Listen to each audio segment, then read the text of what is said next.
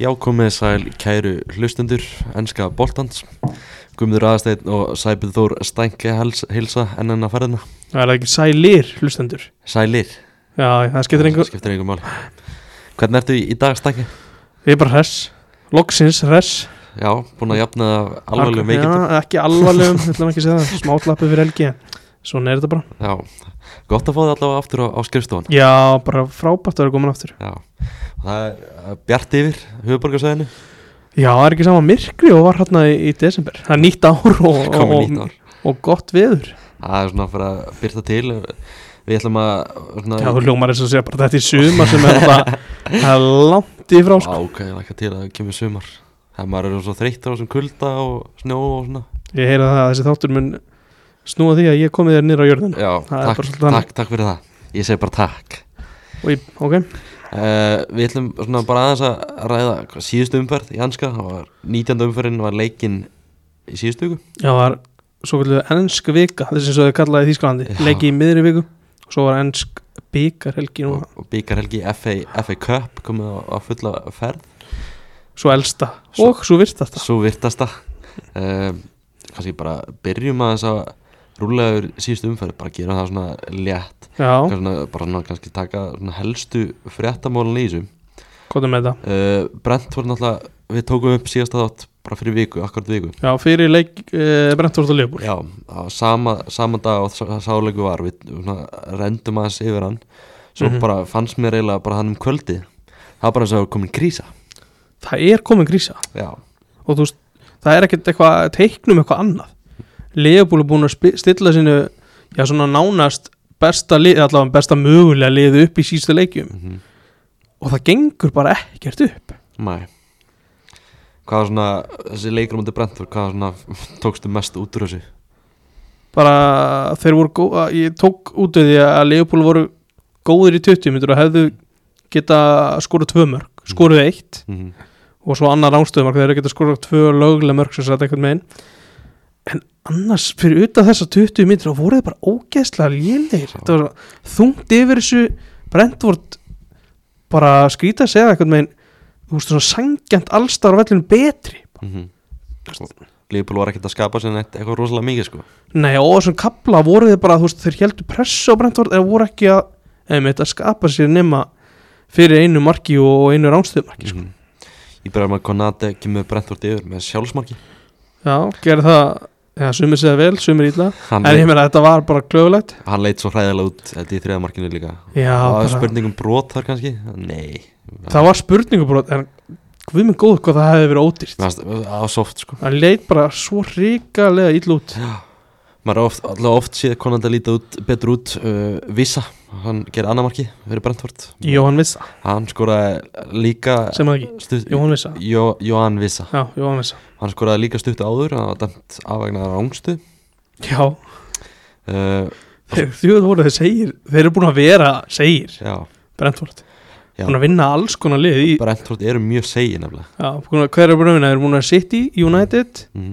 Unnu sitti náttúrulega etja Það Eh, er uh, rosalegt. Mm. Þeir eru unnu- eh, náttúrulega Liverpool núna Já, unnu United 4-0 Þeir hafa held ég, þeir ljóta að hafa unni Ger- ger- Chelsea og Brentford Gerði jættöflum undir tóttunum held ég Jafntefla á móti Tottenham, Komist 2-0 yfir þar held ég gott að það var ekki sigur á móti Chelsea líka Já, unnu allan. Eina liðið sem að sérst, toppliðið er, er Arsenal sem að, Þeir eru virkilega góður á móti þessum toppliðum um, og þeir eru bara, þú veist, þeir eru þjættir Djúðlir Já. eru svona massíft lið sem er sérstaklega komið með Ben Mee þarna inn Já, Já, þú vilt nefna hann sérstaklega hann var Þeir voru ekki með Ivan Tóni í þessu leik samt. Nei, Ben Mee var tilendur sem leikmaður mánaðarins í Premier League Í desember þá, Já, fyrir tvoleiki desember, november held ég tekið saman, Mm. Já, og já, sniðu þýr hann er búin að vera að stíga upp sko. Já, uh, Markaskóri Liðbúl þessum leik það er eiginmaður eiginmaður hennar hérna, Perry í Little Mix já, Ox Ox, Já. Uxin, Já.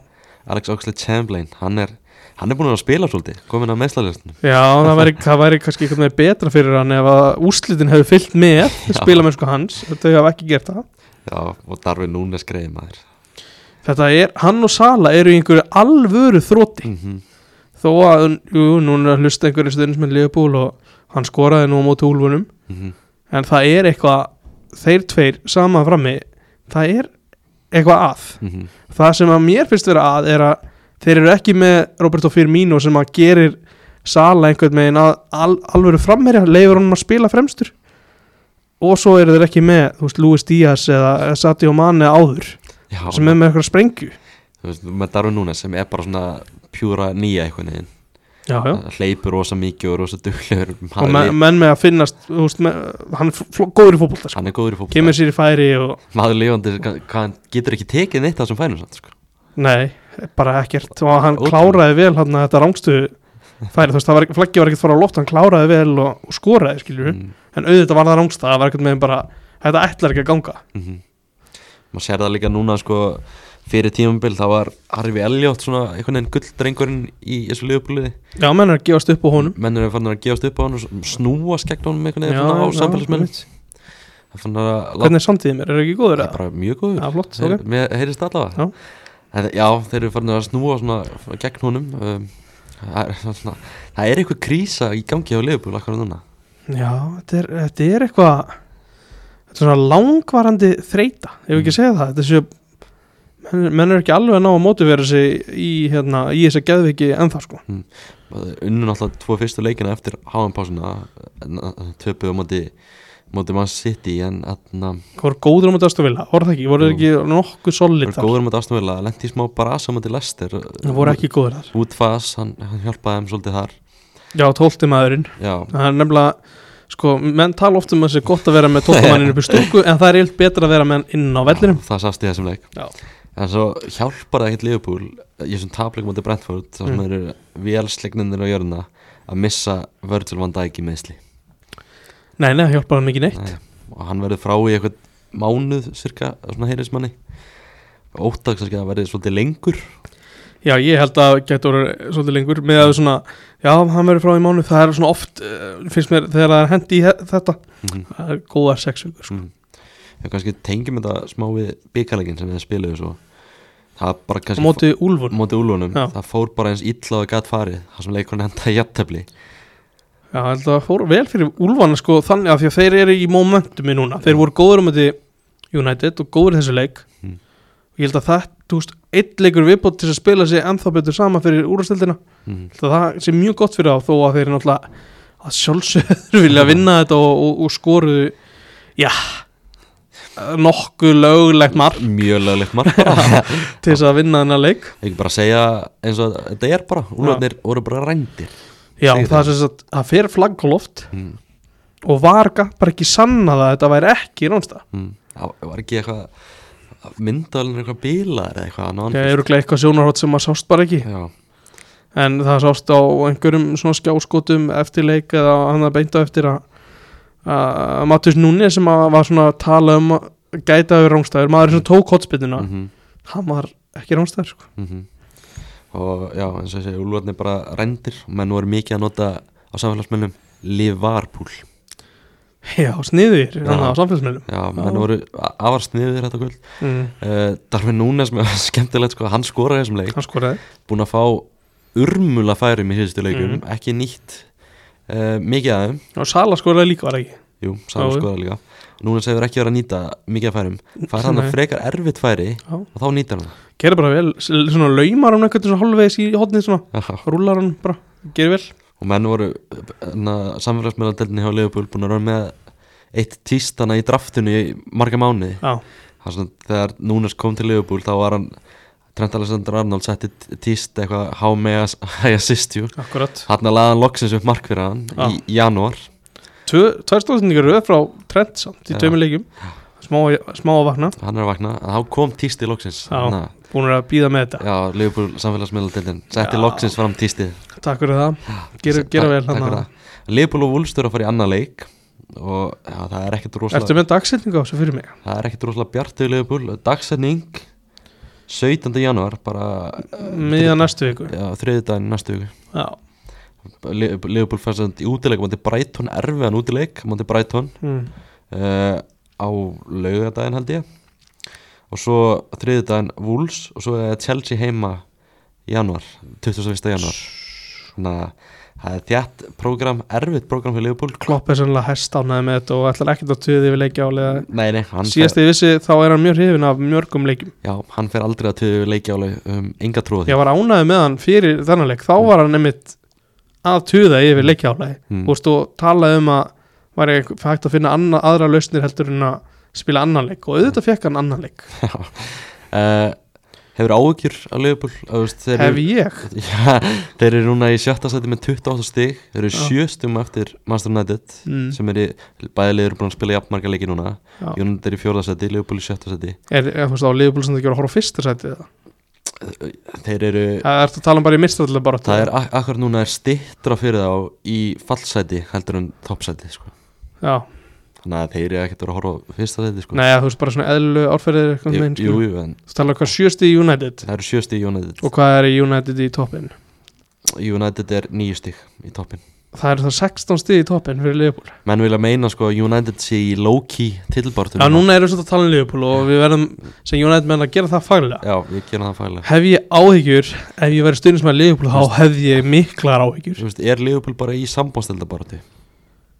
Nei, nei guðmundur, þeir eru í mistalbaratu Já, Við verðum að gefa en það fyrir síðustu ára og ánum bara undir kloppa þeir eru klálega ennþá í, í mistalbaratunni svo gefa Liverpool það sko að þeir eru búin að vera í svo meðslabarasi Shota, Luis Díaz þessi gæðir allir búin að vera mittir og núna er- verður sem Já. hann dæk mittur Já, já, þeir eru samt alveg með menn í staðinn skilur eins og, Curtis Jones nei, nei, þú veist eins og með, í vörninni eru þeir alveg með Matip, þeir eru með Gómez, þeir eru með Konate ég veit þetta er ekki jafngóðu leikmenn þetta er samt bara prúfin leikmenn í úrslutinni Mm. og góðir sko þú veist, fram að við, jú, það er kannski full mikið að vera með án Sjóta Díaz og Firmino af því að þeir eru nú, vilja nú helst vera með þrjá uppi frammi mm og, og Carvalho hefur ekki náð að sína hann geti verið einn af þessu þremur ekki allavega s- svona stabílt Nei og núna hvað leist nú, svolítið með og einmitt þess að segja Rockstead Chamberlain þannig að jú það þú veist einhver leiti er það alveg eitthvað afsökun þegar ég held að Liverpool menn vilja ekkert horfa eitthvað of mikið í það þetta sé eitthvað meðsli þeir eru bara líka búin að vera lélegir inn á vellinu þeir sem hafa spilað mm, sá það til dæmis um helgina á móti Wolves að Koti Gagbo, hann kemur inn í lið og sérst fallaði í leiknum Já hvernig var umræðan eftir leik var hann ekki bara þú veist svolítið tindur Jú, hann var bara mjög tindur sko. og var hann að spila hvað út í vinstra meina Já, já, já, já minni það Já, já, og og svona- spila já. út, út í vinstramenn Mm. uh, var svona svolítið að róma uh, Já. en já, maður tók ekkert rosalega mikið eftir því að hann væri nú vellum sko. Nei mitt þetta er eh, það- auðvitað þú veist þú ætlar ekki, ætlast ekki til þess að flugöldasýningu í fyrsta leik mm. þessi aukalegur mun klála að gefa honum já, bara, svið, sviðið sko? sko þetta að vera hárétt ákvörðin að hendur hann bara beint inn í byrjanlega sko. Já, já, bara klárt sko þeir, þeir, þeir út af meðslum þess að þryggja þá þurfa þeir sóknabann í gang bara Mm. strax mm -hmm. það skulum kannski ekki gleyma því að þeir eiga Arthur Melo inni uh, Já, inni, já mm Já, en hvernig þú veist horfðu horfðu þetta við þér, þú spurðið mig mm. þú veist, hefur þú áhyggjur að lifa hvað, hvað þurfa þeir að gera núna og ég held að þeir þurfa að vesla hans inn á markanum sko. með- með öll þessi meðsli sem þeir eru í við erum mikið búin að tala um sóknar, sóknarlínu og Mm. núna Virgil van Dijk en þeir eru alltaf að leita að miðmanni mm Já, allir þeir eru ekki, þurfa ekki að fá eitthvað inn í varnalínuna held ég Nei, sko. nei. Þeir eru allavega, þeir eru með menn þar eins og þú sagði til að covera Mm. Joe Gomez, Konate og Joel Matip Þetta er ekkert slæmi leikmenn sko Nei, Mm. er það ennþá með Nat Phillips, er hann það Nat Nat Phillips, hann er búin að koma þessu í tveimur leikjum á þessu tímili Þannig að hann er hann minn ennþá maður, já uh, Miðjuna, ég held að þeir þurfi að fá eitthvað þar inn Eitthvað, ann, eitthvað einn í viðbót sem getur kannski leist þessa stöðu líka aðeins fram á við Já, Eitthvað, eitthvað, eitthvað svona Cody Gagbo típu einn í viðbót Ég veit bara ekki hver, hver það væri Kót- er, er, erum við sérst að horfa á Gagbo sem einn af þremur á miðunni Nei, til frambúðar ég sé hann kannski ekki þú veist, hann er, getur spilað sem sóknar sinnaði miðum eða sko, Já. Eh, hvort hann hendi í það kerfi sem Leopold er að spila inn á miðsvæða sko, ég veit Mhm. það ekki alveg, gæti verið kannski einhverjum að tvær 1-6, 1-8, 1-10 mm. Já. er Leifur samt hefur ekkert að spila Nei, hann þeir eru að spila með djúpan og tvo Nei, svona þeir hafa ekki spilað með 10 bara síðan að Coutinho var hann Já, já, nákvæmlega hérna. Já. Um, þetta verður áhugað sko Leopold, eins og að segja, að fara í erfitt prógram það er svona, hvernig hefur komið að því Mhm. kannski svona ráða hvernig svona setjum hlut tímpans fer en núna er þú sérfræðingur í slúðrinu mm. þú veist þeir eru orðaðir, hafa verið orðaðir við Enzo og hann er ekki að fara til Leifur Nei, vantilega nei. þeir eru orðaðir Bellingham en eru þeir að taka eitthvað miðjum núna Mm. er eitthvað þú veist sem að er, er að tala um það hljómar ekki þannig sko Nei. K- kannski helst svona það sem hann er líklast að taka núna hann Sofian Amrabat já, auðvitað, hann var, tína hann var svolítið svona bara beint eftir háum kannski svona aðeins kólnað sá áhuga einhvern veginn. Er eitthvað, þú veist, er, er, er, er kannski heimurinn alveg þannig að menn eru að býða núna smá og þá verður hann kannski 5 miljónum punta ódýr af Já, því kannski, hann er svo heitur beint eftir háan kannski Já, veist, ég er náttúrulega að gera mig ekki grein fyrir hvernig svona virkar sko. Já, í janúar klukkin er í fullu gangi ég- kannski áður en við förum frá Þú skal bend, höfum það hugfast að Leopold er að undanförnum sennilega besta félagi því að halda öllu sem er í raunverulega að gerast lindu þanga til það gerist sko. Já, þannig að Ég- það veitur örgulega engin neitt Ég fyrir er nema með- einhverjum tveir þrýr sko. erum, erum örgulega að fara að sjá eitthvað þannig sko. Það Já, er bara væntanlega. dettur inn bara kemur kannski ein frétt eða eitthvað þessi á leiðinni til Liverpool og svo bara staðfest mm. En þú veist einhvern, í, einhvern úr ennsku úrhústildinni er ég er bara að hugsa núna bara, ég fór beint í eitthvað í, í lið sem er að fara að falla þú veist, ég veit ekki af hverju en ég bara James Ward Prowse, Mm. alltaf að tala um að hann ætti að fara í eitthvað á topp 7 þú veist, gæti hann verið eitthvað fyrir Leopold Já, og svo erum við kannski horfa í liðin sem voru að spila um helgina Já. Úlfarnir, Mattias Núnes þeir, einmitt, þegar, þegar hann var reynda að vera orðað við hann Já, maður sá það Hvað, er Ólóður borguðu slatta fyrir hann sísta 50 sumar miljonur efra þannig að Liverpool þarf að- að borga eitthvað aðeins meira en það sko, til þess að fá hann já, ef það verður hérna þessi 11 földin eins og hjá Enso þá var Já, það, þá var um það einhverja miljonir punda ég held samt að hann sé ekki að fara í janúar sko, en ef Nei, Úlfarnir já. falla þá verður hann nögglega fáanlegur sko. Akkurat, það er auðvitað það sem þeir eru að spá í sko. Já, en uh, það er að byrta lista sem, sagt, núna Já. yfir sem, sagt, tíu dýrustu leikmenn sömaglugans í Premier League, Daily Mail og Elva Geir var að byrta frétta.net tíu dýrustu leikmenn sömaglugans dæmdir það er fyrirsögnin sko, Núnes var fallengun Já. Ertu, ertu sammála því? Fyrir hans fyrstu sex mánuði hjá liðinu Já. Eða sjö, eða sex, sjö um, Já, klálega Já, Ég átti vona að hann kemur með svona meira trompi inn í þetta Kanski út af því að líka leikmennin sem að Klopp hefur verið að fá inn mm Hafa svona flestir byrja bara mjög stert Og maður er kannski svolítið svona recency þú veist, hug- Þengjandi með vanandi vanandi Luis Díaz bara kemur inn og, og spilaði bara vel var ekkert endilega að skora eða leggja upp í öllu leikum en hann var alltaf að hafa áhrif á leikina Mhm. á síðasta tíðanbili þegar hann kemur inn og úst, Van Dijk Sal, Sala náttúrulega kom og geggjaður inn Mane, Alisson er, það einu sem hefur kannski tekið smá tíma er, er hérna var Fabinho, gaf hann alveg svona hálft tíðanbili Mhm. og svo er það Nabi Keita sem er ekki ennþá búin aðlast Hey, hann, En þú veist, eru, eru, eru ekki þarna, eru þetta ekki Jú. leikmenn bara sem að kaupin sem hafa verið undarfærin eða? jú, það eru margir hérna leikmenn í þessari grein sem fá svona, dómur býður, ég Já. hefði líka sett það við núna sko Já, en þú veist, með að við væntingar þá Mm. hefur hann ekki deliverað Já, kannski, og verð með það líka Jú, já, þú veist, verðmið og væntingar fylgjast svolítið saman, ef hann hefur kostað 15 miljonar pund þá var enginn að búist við að hann væri byrjulismæður í Liverpool, þá sko er hann bara success sko.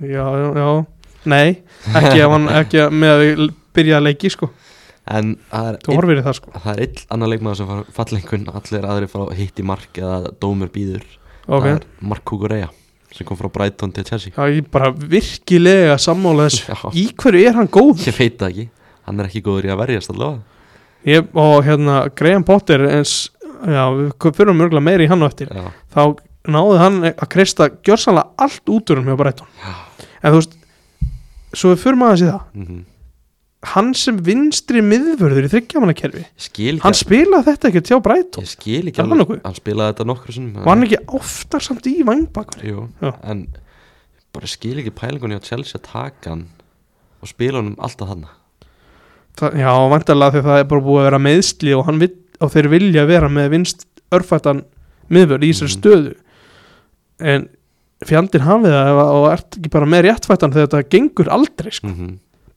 ekki neitt já, bara hann er mjög slaku varnarlega prófa það allavega og þú veist, auðvitað í, í fullkomnu heimi væri það vantarlega með hann og Bill, Ben Chilwell hann að vinstra megin mm -hmm.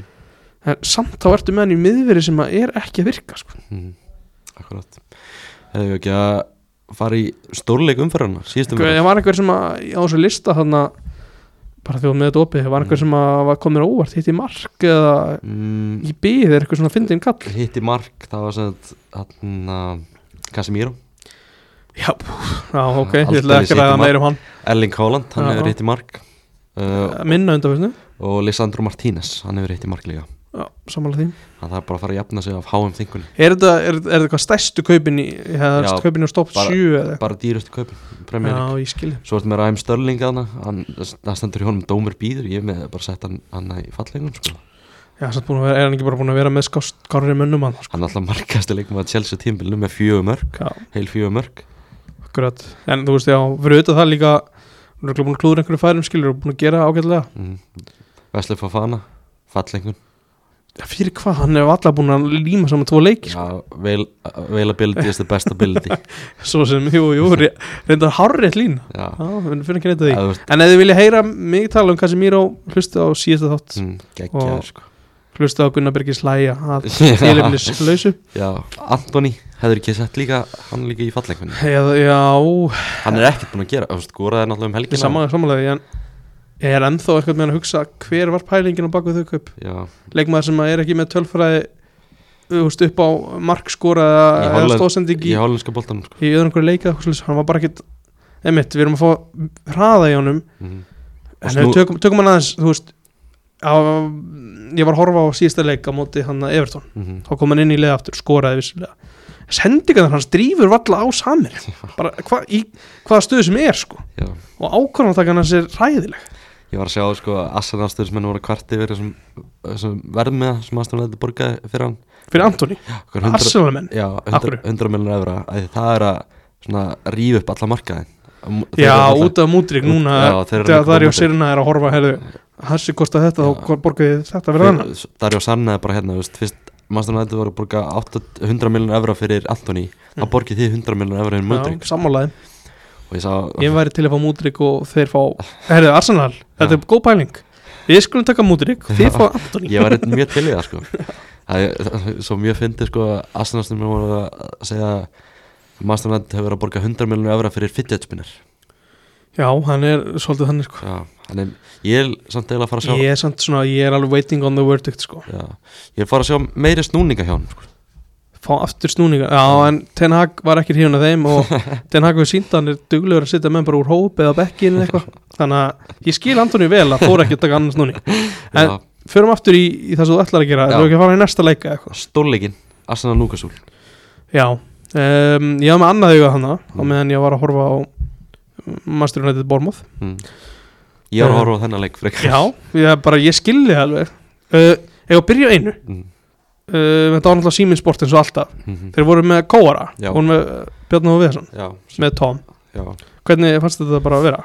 mér finnst, hvernig þetta fílaði það? mér finnst þetta alltaf bara svona bæta svona upplöfun að horfa á leikin Mm. og mér finnst Bjarni Þór Viðarsson geggjaður í þessu sko. já, sko, það sem að ég horfði örgulega samtals á svona svona 35 myndir eða eitthvað Það var svipað lengi og boltin var í leik já, já, en ég sá hann stundum inn á stundum ekki Sást að stundum minna Já, já, það er eitt aðrygg sem ég langar að nefna reyndar. hérna, ég, þegar ég skipti yfir þá Mm. hérna heyra Bjarnar með Tom þá hugsa ég ok, núna er ég að horfa á stórleik mm. það er eitthvað mikið undir, það er Já. meira hérna í gangi þannig að ég fíla þetta í tætlur Ég er sammálaði og geri þetta bara sem oftast ég, þú sumir, ég hef heyrt bara ég, ætla- ég bara get alveg sagt það sumir segja, þú veist, menn þá sé of mikið verið að tala og, og gjamma þú veist, ég, þetta trubla mig ekki, sko, ég Mm. fíla þetta Ég er sammálaði og sérstaklega sem að Bjarnar koma með sko, mér finnst hann alltaf koma með input sem að er gott þú veist, Mhm. kemur mér með vittnesku sem að sem að ég hef ekki, skilju Já, þekki hvað menn náttúrulega, er að pæla og svona þekki náttúrulega leikin kannski aðeins svona betur en við sko Já, hann spil, já, og hann hefur það allavega fram með mig hann spila leikinn Mhm. og, og hann hefur fram með að fresta hann, Já, hann leik sem aðtunum aður og alls konar sko. já algjörlega þannig að, já, uh, Þessi leiku samt Þetta var, veist, þetta núkasulið Mér finnst það magnað sko var þetta ekki var þetta ekki alveg svona stalemate jafnabli, Þú veist, stálist ál bara Bæðilið fengur sín færi Arsenal svona stjórnaði ferðinni Núkasul bara leið ógislega þægilega Bara Akkurat. verið í sinni blokk sko mm. Með uh, Dan Börn hann á Bukayo Saka Komur hópar hvað hún gekk vel á móti hún Mm. og Kieran Trippi er alltaf hinum einn og þessi, eins og við tölum um í síðasta þetta þetta þessi vörn er bara búin að slípa sig svo ógísla vel saman þetta er alltaf sömu fjóri núna Já. og ekkert rugl svo ertu með Sjón Longstá og Joe Willock hann fyrir framann og Bruno Longstaffin hérna er svona ég held að njúkar sem en dyrkin sko. já, bara- heimamaður og one of their own og United var orðað við hann um árið í Mhm. Manchester United þar að segja Mhm. svo það sett ekki fram og hann fór ekki neitt skil og þau bara já það, og þú veist, þá vissi engin hver þetta var í rauninni, mm -hmm. mannst eftir þessu þetta er ekki svona 2018-19 Þetta var svona þegar hann, var, hann spilaði hál- hálft gott tímabil með Núkasúl já, en þú veist það, ég held að sé alveg vel í lagt að það veri hálft og gott, sko Já, hann spilaði einhverja leiki og var svona allt í lægi Óli Gunnar Solskjær alltaf að kaupa hann á 50 miljonum punda Það var einmitt, sagan sko já, en já bara stálist á hvað, þú veist var það mikið í umræðinu náttúrulega þessi mögulegu víti sem Arsenal átt að fá, Mhm. eru, eru ekki að fara í það Ég held að það sé alveg klárt að Arsenal hafa átt að fá eitt víti í þessum leik sko, ertu þá að tala um hendina eða var það ekki eitthvað peysutóga bakrindinga eitthvað Ég held að hendin sko mér, fa- þú veist, Þegar ég sá það, já, ég bara, já, þetta er víti þetta er viti Já, Já. og bara ég skildi það ekki alveg þú veist, en var ekki eitthvað, var ekki eitthvað peysutóga bakrindinga á Jú, Gabriel en, svona, mér fannst það kannski aðeins minn Það hefur líka getað verið víti sko já, þetta var sam, já, ok, við erum ekki að vera eitthvað samanlagt gætt að það skil, Já. samanlagt var þetta rúmlega viti En, En þú Ars veist- Arsenal hefði átt að fá víti í þessum leik já, þú, Og- þú þar, fastur Já, og þú veist, hann fór í skjáin og allt sko, Já. og skoða þetta Já. Ég skil ekki alveg af hverju að dæmdi ekki viti já, Ég, Já, þegar hann skoðaði þessa hendi hann mm Mhm. fór í skjáin ég held að Gunnar Birgisson og og félagar hafi verið alveg vel brálega sko. já, já, ég veit ekki og svo er líka hægt að deilum það að Grand Saga hafi átt að fá rautt spjald í leiknum og svona líka sko. það er alls konar váðadri já, Sjaka kemur sér en sko, var ekki svolítið umræðanum að, að, að dómaran hafi verið svolítið soft með gulispildin hann gaf, samt- jú, hann gaf nýju gull spjald í þessum leik var ekki línan bara eitthvað galin eða? Jú, Madley dæmdi hann að leika ekkert sérstaklega vel það minn maður Bobby Nei, Var Robert Madley? Andy, Andi Malli Andy Madley, ég held hann heiti það já, geta alveg verið Bobby Madley, er hann komin tilbaka? Robert Malli, ég veit það ekki sko Jú, hann heitir, heitar það ekki heitir Andy Madley Þetta núkasúlið, ég verð bara að segja það samt, þeir eru ógeðslega impressive varnarlega það er bara svo mikil massi þessi, þessi liðsheildi og í, ég er að heyra sjálf um mig tala um bara einhver klísjum en þeir eru bara, þú veist, þú- það er ekkit auðvelt að, að brjóta það liðni á baka aftur sko. Svo mikið talað um það eftir hann að leik Mikil Arteta Hann svona misti sér svolítið á, á hliðalínu Mér finnst hann, þannig að ég þetta er náttúrulega ekki í fyrsta sinn sem að svona mótlæti fyrir illi, hann mér finnst það svolítið klopp í hann sko. mm -hmm. ég veit það ekki, ég, að það þetta er svo sýnilegt eitthvað menn ég honum og klopp þegar að þeir finnst eitthvað vera á móti sér Mhm. þá er þeir gjössalega ómöguleir Heldur að þú veist, Arsenal er núna bara að fara í mikla titilbartu Við mann City já, og leiðir þá bara þú Já, um fimm stegar fórskot Ef allt hefði farið á besta veg þá hefði þau getað verið með tíu stegar fórskot Akkur núna já, já, þú veist, hef og hefði en þeir eru samt búin að grænda út líka leiki sko. mm Heldur að þú veist, Arteta er svolítið svona nýgræðingur í þessu Hann er þú veist, tildur að nýbyrjar að þjálfa já, Hann er búin að vinna með Pep Guardiola og svona En hann- hann er ekki búin að vera lengi í þessu mm. Þú veist, hann er að fara að berjast við Pep Guardiola læri föðu sinn um Já. titilinn Já. það eru að 21 leikur eftir Já. mjög fimm stegum, mjög mikið eftir mjög mikið bara eftir mjög mikið eftir, þú getur tap fimmstum í tveimur umförum sko. Mhm. og maður Þannig að- svona er að sjá allt þetta svona á hliðalínni hann er svona svolítið æstur og þetta gre- greinilega skiptir rosalega miklu máli fyrir hann já, heldur að þú veist, þetta að hann sé svona mikill svona nýlið í þessu sem að fara að hafa áhrif á Arsenal nei komandi vikur Hljóta, við munum bara snúast um það að þessir menn sem að eru að spila þessa leiki haldist áfram heilir mm -hmm. það er bara, þú veist, auðvitað og ef þeir ger það ekki, þá náttúrulega kemur þjálfarinn aðeins inn í hvernig hann er að koma hínum önum inn, sko. maður sér það bara í þessum leik líka hann treysti varmanum ekki neitt Það er náttúrulega ekkert til að treysta á á þessum bekk. Hann hendir Jú, í- hann er með Kirjan Tilly, Fabio Vieira, hann hendur honum ekki þessu en, inn á, en af hverju ætti hann líka að gera það? hann bara, hann borgaði allir pening fyrir hann í suma sko. Nei, hann hefur bara ekki sínt neitt.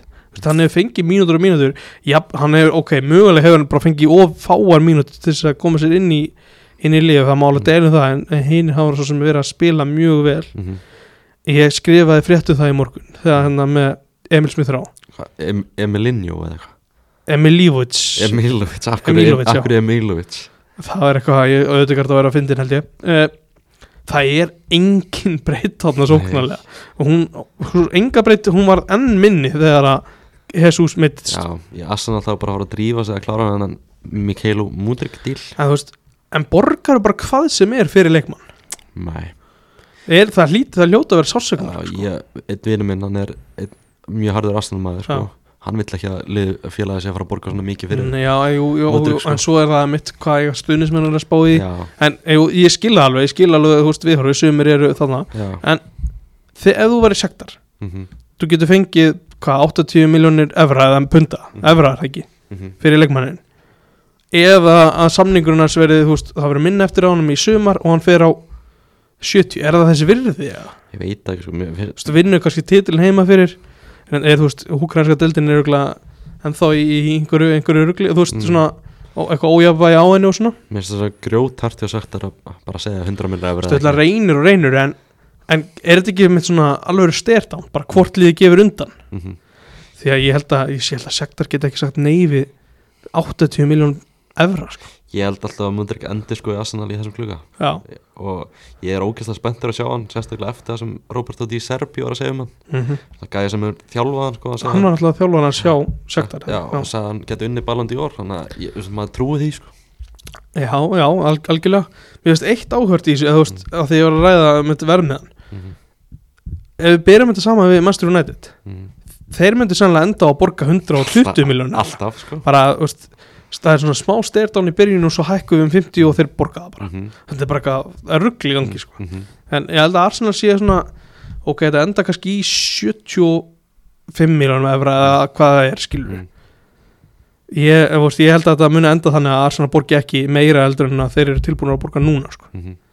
en verður það seint, verður það ekki að fá hann inn bara núna, Jú er það þú veist, Þú veist, ef tvær þar vikur getur skipt máli í ef þessu þeir ætla að vinna þannig að maður sitt í þessari baráttu maður sér það núna bara maður sitt í er svolítið að fara að tengja vel þá- já, jú, jú, jú, jú, ég sammála því sko að einhverja leiti við skulum að aðeins halda okkur höndunum samt með að setja sko uh, þá þurfa þær held ég að fá mundrygg inn bara sem fyrst eins og þú segir Mm. og einni viðbót sko já, einni framalega vellum, miðjumann kannski en svo sjáum við hvernig Smith Rowe kemur inn í kvöld mm, já, hann er að fara að spila mæntalega eitthvað mér finnst þið þurfa miðjumann sko Þú veist, það er vont að móð hann er miðjumæður, Fabio Vieira er líka miðjumæður hver er miðjum, Emil Smith Rowe já, er það ekki, meiri kantmaður ég hef alltaf að horta á hann svona, svona tíu sko, já, það er kannski tí, bara ég tíja kantmaður já.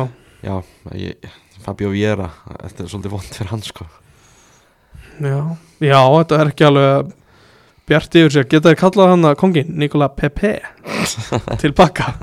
hann er best gemdur í Fraklandi held ég Já, held ég líka.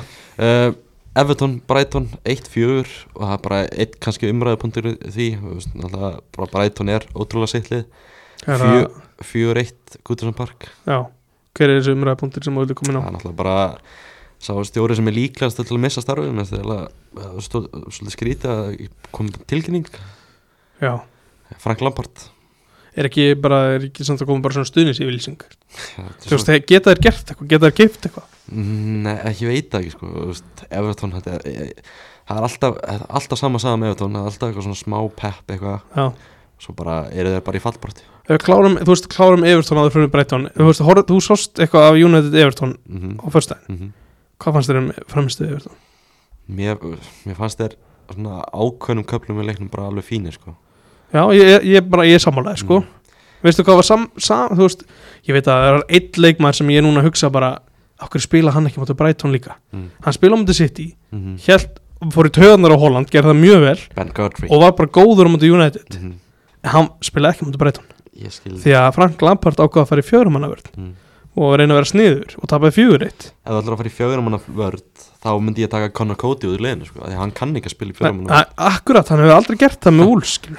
gerði það ekki allavega, kannski ekki aldrei en hann gerði það yfirleitt ekki þegar þeir voru upp á sitt besta Já, Ben Godfrey ónúnda var maður í þeim leik Já. það er stórfurðulegt ef, ef þú horfir í framistöðuna sem mótið sitt í við, hann var náttúrulega ekki eitthvað 100% að þeir fengi á sem mark skiluru og, og hann var alveg heppin að fá ekki guld bara strax í byrjun skiluru en hann náði allavega að gýra sér vel upp í barða á móti heitasta framherri í heiminum mm -hmm. Já, var svona einn af fáum mönnum sem maður hefur séð svona komast inn í hausin á Haaland hann, á, hann gerði líka húst, ég held að allir hefðu komast inn í hausin með þessu múfi sko. bara straðkað á honum sko. Já, En, já, ég meðast að þetta vætti bara mína aðtekli, sérstaklega því að Godfrey átti svo hann fína leika á móti þú veist, United, hann er allavega virtist að geta eitthvað vera meittur eða eitthvað sko. mm. Hversu, þú veist, þegar maður lítur yfir byrjulega auðvitaðan Hversu þreytt er þetta Tom Davies dæmi orðið sko Þessi gæja á bara að vera í League One sko Hann, mitt, spilaði heldur ekki ég held að hann hafi korki spilað á móti City nýja United eða allavega byrjaði ekki á móti City Já, hann álíka ekkert að vera hann inn á, bara aldrei aldrei, og hann á ekkert að vera í Everton hann á aldrei, aldrei að vera að spila með Premier League liði sko. en það er mjög sýnilt hver er besti leikmaður liðsins fram á því það er Demari Grey mm -hmm. sem er búin að bú, svolítið voru að búa að bú, býða eftir, búin að eiga fínt tíðumbil Mm -hmm. að þeir, þeir gera ekkert nema hann eigi góðan leik, ekki neitt Dwight McNeil ekki að gera neitt Dominic Calvert-Lewin Dæðnar ryðgaður. Hlín er jafn lélur á markabörnleik sko. Já, hann er ekki góður Nei. og það er bara ekkert að koma út úr honum Mm. mm. Kallur Lúin er bara sínilega að koma sér tilbaka Neil Mopey er bara, já, einmitt gengur betri og breytur ánans Þú veist, mm. þetta er, já, þetta er, þetta er vesen maður Erum við á Lampart átt vagninu? Nei, eins og ég segi, hvað þeir eru að fá inn hvað getur nýr stjóri gert, þeir eru eiga ekki neitt Ég veit alveg hvernig þeir eru að fá, fá inn sko Já, er það, eða sem stjóra Já, Hvern? Wayne Rooney Já, erum við alveg þar bara er, Ég- er, það- er, er, er ekki búið að prófa Gerard búið að prófa Lampart og þetta virkaði ekki Ég er bara að sjá Rooney, Já, minn maður mér fannst geð ángrís Mér fannst frábært að sjá Rúni hjá Derby, Derby. Mhm, Mér fannst það að vera múfið mhm, og gerði bara flotta hluti hana í gjössalega vonlausi stöðu og endaði náttúrulega að fjalla mhm. Þess, það verður ekki, það verður ekki þurkað út á félskráni hann fjall þó með liði Já, en ég sé hann ekki í úrvalstildinni kannski, kannski mér finnst það svo gjaldfellit eitthvað, ég veit það ekki En, en allavega Frank Lampard það er maður sko að- svona odds checker þannig að tekur saman yfir alla veðbankana Mm. það er Frank Lampard líklegast til stjórnum til að messa en þú veist, er hann, er hann odds on er það, er hann, þú veist, undir tveir eða Nei, Nei. Ég, ég skilur hendur ekki alveg þess að stöðla sko. nei, þetta er einhverjir Já, þetta eru svona erlendir stöðlar, akkurat, ok ég skil það ekki alveg það eru tölur á blaði og það er Já. flókið að skilja þér Hann er allavega líklegastur já, hann er allavega á efstur á lista Já, og ef eftir honum er það Graham Potter það er Graham Pata Hann er Já, næstur eigum við að tala uh, smá um Brighton áður en við förum í, í- kannski í eitthvað annað Já, mér langar kannski bara svona þess að minnast á eitt leikmann í, í Brighton Já, Kaoru Mitoma já skemmtilegur Hann er virkilega skemmtilegur ég, Ég held að hundur hún myndi fara annað já, já. Í hvað, í hvað Ég held að hún fari í kongin, Ferguson Ferguson, nei Hann er að koma inn eins og hvað sem er inn, eins og stormsveipur sem hann ekki Jú, eins og Ég Stormsvipur er að æfa mig í íslensku orðum sko. En Kamaru Mitoma, þetta er japanskur svona kantmaður Já, bara búin að vera flottur í því, sem, þeim leikin sem hann spila bara, svona, hann er svo sprækur, eitthvað, Já. hann sprengir upp leiki sko. Hann er með tækni og, og svona flinkur og svona mm Hann sem sagt, já, kemur frá Japan og hann var að spila sem bara stutt síðan Hann var sem sagt, fór með Japan á HM og svona og gekk í ræði Brighton hvað, í 2021 Held að já um, hann satt, þegar hann var að spila í heimalinu þá hafnaði hann samt atvinnum hann samt ekki fótbolt þess að fara í háskóla hann bara að spila í háskóla Ég tjóði þetta hart maður núna er áttan bara, kannski eftir að fara þú veist í uh, eitthvað herskildu eða eitthvað nei, Nei. nei. enda ekki sko. hann var bara átvinnar gamall og eftirsóttur og hann sagði bara nei, takk en það nei, er takk geðveikt, Mér- ég dýrka þetta Já, sko fóð bara í háskólanám, Já. spilaði bara í einhverjum háskólamótum og eitthvað mm. en núna bara spila í premjölík hann er líka þú veist hann, það er líka eiginlega ekkert sk- það er ekkert eitthvað óvænt eða ósangjant við það hann er bara Mm. ógislega góður sko hann er fárlega góð sko. þetta er svona veistu hvað, ég, veistu hvað ég held um hann ég held að þetta veri, hann mun spila í búndislíkunni Mm. mikið af sínferli mm, geti verið margir japanar fara þangað þetta er bara svona enn eitt dæmið um hvað Bright- Brighton eru ógeðslega góður í að skáta þeir eru líka með sko- já, þú veist að þeir eru svo hvað sem er viðtæki, þeir eru svona út um allan heim já, það eru náttúrulega með Suður Ameríku tvo og leikmenn frá Ecuador akkurat og hérna með Tóma og alls konar gæðar hann sko. alls konar spilara uh, Fúlam vinnur Lester 1-0 þrótið í Lester aldrei áfram Master United vinnur Bormoth 3-0 hvernig er hérna með samt, er ekki smá óvænt hvernig svona Leon- Leandro Trossard er svona aðeins að minka hlutverki á honum já ég sá samt það var einhver með hann bara í tímaði season hinga til og eitthvað sko já, já, já, en, en, eins og ég segi en þú veist það er bara svona síðust leikir svona aðeins að halla undan fæti mm, geti verið já, Fúlam Lester, já 1-0 Mitrovic með markið ekkert svona, ég myndi ekki að segja þetta er hann ekki í banni í næsta leik? uh, það var eitthvað fantasy gúru eitthvað að hann velta fekk þessu fyrir allavega sér guldspjald í þessum leik þannig að held hann geti sé í banni sko. verið. Fulham, þeir eru í sjöndastöndum með jafnmörgstu og lögupól þannig að þeir eru bara flottir Lester er bara Já, tveimur stöðum frá fallseti samt einhvern veginn með að deilt og ek, það er ekkert nýtt að frétta á Mattisson Nei, hann er ekkert komið aftur þeirra lang besta leikmanni Lang, lang, lang, lang bestileg maður En hvernig er með Tílamanns? Er hann að fara að klára þetta tímabili? Eða, þú veist, á Veit Arsenal var orðað að hann bara hægri vinstri og... Júventus líka eitthvað Já, fuck, þú veist, um guðum hjálpunum þar maður Já. En það Ég er myndi mjög ekki fara típist að þangað. hann fara þangað sko. Skemmtilegt að Votfass hjált sæti sinni í liðinu hjá Lester Þú veist, fyrir, já, hvað, einmitt, Það er engin challenge hann. Þannig að Marta Ey hann er alltaf hann til þess Þeir eru bara býð eftir Evans væntalega Þetta er alveg ótrúlegt sko. uh, Saglar Sojuntju og Jannik Vestagard báði kemdur á begnum alveg tindir Vestegard er náttúrulega búin að vera í kælinum í rúmta ár Já, sko. það er þvílíkt flott kaup hjá Lester þar og Sojuntju, hann er officially one season wonder Það er búin að orða hann við alls konar liði núna Bara þeir vilja losa hann bara eins og ég, ég veit ekki hvað sko. Kemur ekkert óvart Brunótsala Mannstofn Edit unnur Bormáð, þú fylgdast svolítið með þessum leik Já, um, góðu 3-0 sigur hjá Já. okkar mönnum kannski ekkert En frammeðstaðan, Já. hún var ekki góð spilamennskan ekkert rosalega Nei, sannfærandi Bormoth voru bara ef eitthvað er betra lið á vellinu Já. DG átti einhverja eh, vörslur og, og fyrsta marki kemur bara upp úr aukaspunni upp úr alvöru upp úr þurru næsta marki Luxjó einhverjum ástæðum að hann mættur inn á tegin og skora með hægri fætti Mm. og svo er þetta svona kláruð þeir þetta í lokið þegar að svona, það var fyrir að hægja svolítið á gestunum sko. þetta er svona kannski verið svona saga bara tímambilsins alltaf upp á síkast þegar mannstofna þetta eru ekkert að, ekkert að spila eitthvað frábælega ekkert að spila eitthvað Mm. mm. tiki-taka Nei, bolta einmitt. er að ná samt í fínust úslit Já, akkurat, þetta er svolítið, svolítið svona þema núna líka eftir jól, jólafrí að háumfrí sko. Mhm. bara hark, eh, kannski ekki alveg þetta er ekki alveg beint hark Mhm. en þeir eru ekki samfærandi en vinna vinna svona nokkuð samfærandi mm. uh, Casemiro og Markus Rashford tveir bestu leikmenn leysins á tímambili báður á skotskun Já, erum við alveg þar með Rashford þó hann sé núna búin að vera góður í fimmleiki haha ég maður er alltaf með þetta rísans í bæja sko Ég er einhvern veginn á því að mér veist bara Rafael Varan og, og Casemiro sigurverðinni tveir í þessu liði sko. já, kannski Lisandro Martínez Já, jú, jú, að maður átti svona minnst og hvernig með vonangra þar sko mm -hmm. eða þú veist, já, eftir, eftir erfiða byrjun s- og umtal, erfitt umtal Mm eh, Luke Shaw, hins hann er vegar búin að frábæra hann er bara búin að vera mjög góður bæði spila sem miðverur og vinstri bakurur akkurat, hann er búin að vera það, það er svona kannski eitt af stærsta í þessu mm. verðum við ekki að tala aðeins svolítið um það já, Ha- að Rafael Varan byrjar vissulega í hægri miðverði, mm hliðan á hann byrjar Luke Shaw já og á bekknum fyrirliðin, Harry Maguire Já, og náttúrulega einhverja sögursendur um það að Aston Villa sé að reyna að kaupa hann. hann var í flottu þar, en hann er vist ekki að fara þangað það er því miður Já, því miður segja sumir, ég ætla ekki að tala svona um fyrirlega vil, nei, nei, ég segi svona Cap, Captain Fantastic Ég væri alveg, ég ætla að vera fín, fín lust fyrir alla aðila mm. en- hey, Þetta er svolítið statement mm -hmm. Ef Luke Shaw sem er búin að eiga að spila tvo, ég held að sem er búin að spila tvo miðveri tvo leiki miðveri fyrir þann leik á ferlinum í tveggja miðvara kerfi Já gerði það vissulega mjög vel mm -hmm.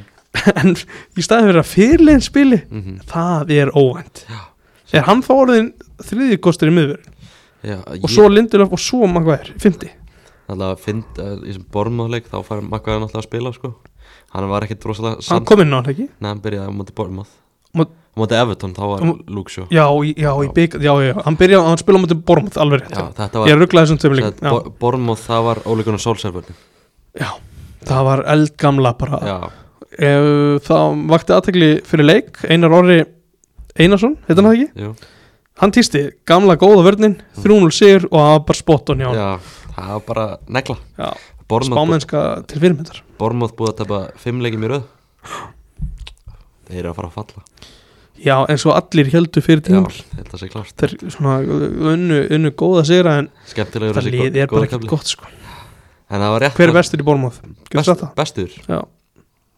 uh, Ég veit það ekki Ég Jefferson Lerma ok, næsta mál, þetta var ömuleg spurning, ég bara, Philip Billing gerir hérna hún Já, já, nei, nei, það Kemst flottur ekki í danska landslið frábær svona í Championship toppbordunni þar Bormað búið að tapa Já, fimm leikir mér En það var rétt hjá það samt Ég er ennþá þar að ég, þeir þurfa að fá netto aftur bara right now í markið sko. Það var rétt Já Ángríns, þeir, þeir gerðu bara fína hluti með netto í múr, búrinu sko. Já, það var samt rétt hjá hann í efutónleikin Þá var þessi vörð sem varst að tala um Það var hann að Luke Shaw í vinstri bakverði og var hann Nei, vinstri miður þessi Já, ég rugglaði þess þessu tveim leiki saman En já, kannski já, Maguire hann að taka fekk deildaleikin Fekk eitt leik já, me- já, það var með Lindelöf Já, með Lindelöf Magalúf Al- vörnin al- maður Alvöru kvíld hann í þessum leik Já, Solskjær hefur brosað þannig hann sá þessu vörð að spila saman já, hann er satt sennilega saknað þess að það er ekki með Macfred fyrir framann Já, já, það er náttúrulega málið sko En verðum við ekki að setja smá verðing á nafni á Aron Van Basaga Bara, Jú, bara sindi sínum, mm, sínum starfið bara mjög vel mm. er vantilega að fara að spila næsta leik núna í, í deildabyggarnum og, og mögulega í, í hérna, næsta leik í FA Cup en svo verða leikinni sennilega ekkit mikið fleiri Nei, bara Það er gaman að sjá hann svona stíða þessu upp Bara- þetta hefur, ég, að, sko meðhendlun á honum hefur verið til gjössalar fyrirmyndar Mhm, bara meðan á bekknum eða utan hóps af því að hann hefur bara, gjö- hann hefur ekki dottskilið fyrir, með, hans framist að í bara síðustu ár bara frá fyrsta mánu hjá félaginu Mhm. var bara verið vombrið Já, en þú veist bara og núna kemur hann inn þá þarf á hann að halda og hann skila bara sín bara solid, hann er ekki að gegja öður lagði upp mark Mhm. og bara mjög solid þegar þurft á hann að halda bara samaskapið bara, bara til fyrirmyndar í honum líka bara ekkert að kvarta, algjörlega, ekkert að kvarta bara Já. mætir alltaf á ég hef ekki séð neitt húð frá honum, já, eina sem hefur heyrst er hvað orðaði var aftur við Krista Pallas já, þeir vil ekki hafa hann, sem er pínu fyndið mætir, en, en þú veist, svona er bara staðan hann mætir bara að vinna sinna vinnu og að- þannig að það bara Þetta var það ekki hann sem að hann sa- sagði nei við einhverju landslið eða sagði nei við England eða eitthvað mm, jú, það var allavega eitthvað að tala um að hann var að fara að spila með Kongo Já, það var svo ekkert úr því allavega ekki hann til er þessa hann er allavega ekkert að fara að spila með ennska landslin nei, Það var getur gleymt aðeins því. smá erfitt þar Eh, kannski eitt árin slúttum við þessar umræðu Scott McTomney, hann er bara komin aðeins stað það sem hann á að vera, Já, á bekknum bara ónátað varum Við vorum með hérna, já Þú vildi fá Wayne Rooney í Everton Ég í einhver, þú veist, ef að United næra að taka einhvern fram á við Mhm. fá kannski Antoni Langa Mhm. til Everton Þeir vilja fá hann, Já, ég, var flottur þar. hann má bara fara á láni það er bara já það þarf samt eitthvað fram á við í staðan, ég skil alveg að þú haldir honum á meðan það er ekki neitt það annað í er bara staðan kaupa eitthvað það er bara, Það er ekki hægt að kaupa Guðmundur bara- endalist ég vil fá Abubakar í Master United Já, við, við erum alltaf að tala um United, við Já. erum farið yfir núna já, ekki Ah, þetta að ræða það aðeins? Abu Bakar, já, við, bað, Baðkarið það hefur verið svolítið umræða á skrifstónu í dag að United er auglustlega að reyna að kaupa framherja Við erum- United er held ég ekki að reyna að kaupa neitt eh, k- fá Já, framherja fá inn frá mér hvort það er lá- láni eða sex Það mánu er, já, það er eitthvað svona 6 mánuða pælingar já, sko. þetta er svona Odeon Iga- Igalo pæling En einn skamtíða lausnin í Já. framherrastöðuna sem að félagi hefur gert mikið af já, það- undanferðinu við erum að leita að backup fyrir Anthony Martial Ég ég og hérna Elvar Rættumöndi í, í- í síðustu viku Mm. hérna, bara hérna á skrifstofunni Mm. vill okkar þá hérna United hefur ekki keift fram, framherja til frambúðar mm -hmm. síðan að Martial kom inn mhm, 2015 Er ekki rétt? Þeir hafa ekki fengið neitt sem á að verka framtíðalust síðan þá Það er ekki einn Cavani mhm. Falcao Hann kom á láni já, hann kom á láni Já, Það er það ekki Jú. Jú. Memphis Depay Slatan kom Slatan kom í Hann er ekki framtíðalust Já. Memphis Depay kom náttúrulega hann var náttúrulega kantmaður Kom hann ekki líka hann var kantmaður á þeim tíma líka Kom hann ekki sama tíma og Martial Kom hann ekki vangal Jú, Ári hann var eftir Van Gaal. Ári eftir kom hann til ára eftir Hann er alltaf kantmaður Þá já, Já. ég veit ekki neitt En ég tala um framherja bara Framherja bara þú veist. strækara Já já, nei Hittur er ekki Ég tala um sóknarmenn og framherja sko já, þetta er, ro þetta er rosa Já. skrítið sko Mm. það er rétt við þér það eru grannlega ekki mikið að pæli í einhverju, Ígalo kom inn Hverju kom Það komu fleiri finnir inn sko kom ekki, það er ekki mikil eitthvað framtíða pæling í þessu Nei, það hefur ekki verið síðan að Martial kom en, en við höfum svolítið sem að kom í rauninni sem hann byrjaði alltaf sem vinstri kantna já, hann byrjaði náttúrulega sem vinstri kampmaður takk fyrir þessa innkomu þjálfur að hauka hérna með ykkur að stæla já, alltaf Í með körfubolta. stæla. Áfram rauðir akkurat, takk fyrir þetta já, við svona verða að pæli í þessu sko þeir eru auðvitað að leita að svona skamtíma lausn í strækjarastöðuna þetta er svona alltaf bráðu vantar er, Mhm. þeir eru uh, við, við, tölum við okkur hérna þegar Antoni Martial er fyrstu kostur mm -hmm. hann hefur ekki spilað einn 90 minna leik á tímbili Mm-hmm. hann hann, er aldrei klára 90 minna hann hefur samt verið að delivera ekki, ekki sístu leiki sko, Nei, hann, það- áður áður Já, mörgum Nú, stóðsendingar einhverja leiki hefur hann spilað Við skorað eitthvað mark og lagt upp eitthvað Já, það eru svona nokkur kostir í stöðinni Abubakar til dæmis og ræta Morata meðan fyrstu bæ Memphis Depay náttúrulega kostur Hvað fyrir líks? Hvað Felix uh, Wood Vekost Það er núna vekkostin er, er hávar Já, umræð að líklega Hann vill fara hann vill fara Hann er núna láni að besiktas mm. Þeir eru eitthvað treyið við að sleppa honum Sko það er einhver klá það er, þeir, Börnleik getur ekki kallað hann til sín Nei, En Besiktas getur auðvitað einhvern veginn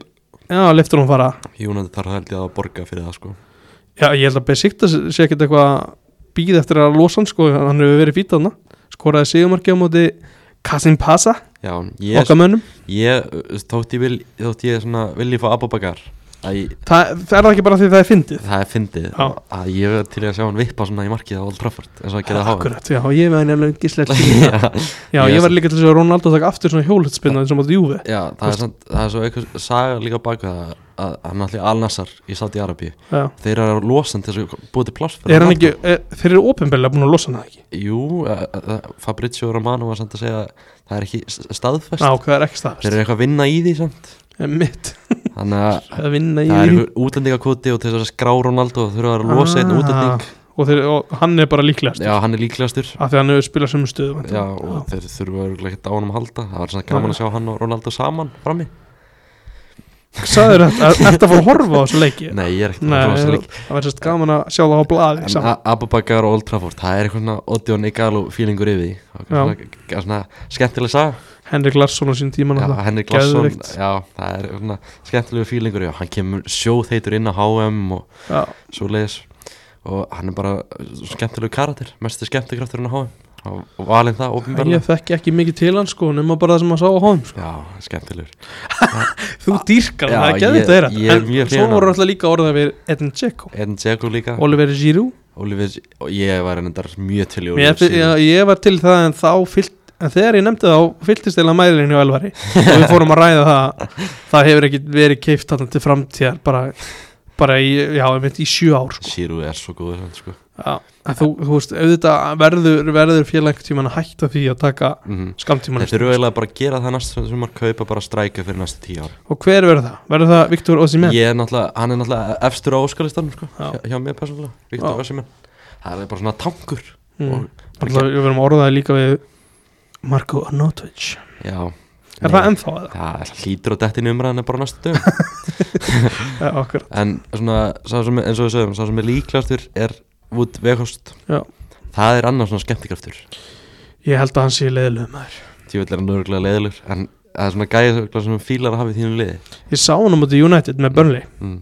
þá eftir, ég kom svo hérna í ennska boltan og Mm.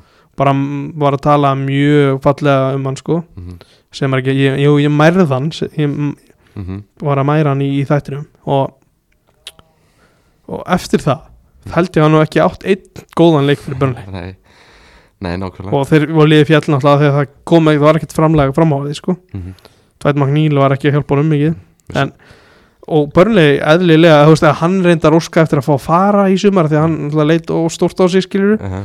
Já, og Burnley fagnaði því sennilega með að hvernig liðið er að spila núna Þetta er náttúrulega bara, þetta er karakter Já, Og jú, Maður hefur lesið það sko en hann tenhag ekki bara hollendingur og bara sjálfkrafa þannig skilur Gæti verið Maður hefur samt lesið að tenhag sé hrifin á hann sko. Og svona persónleikunum hans.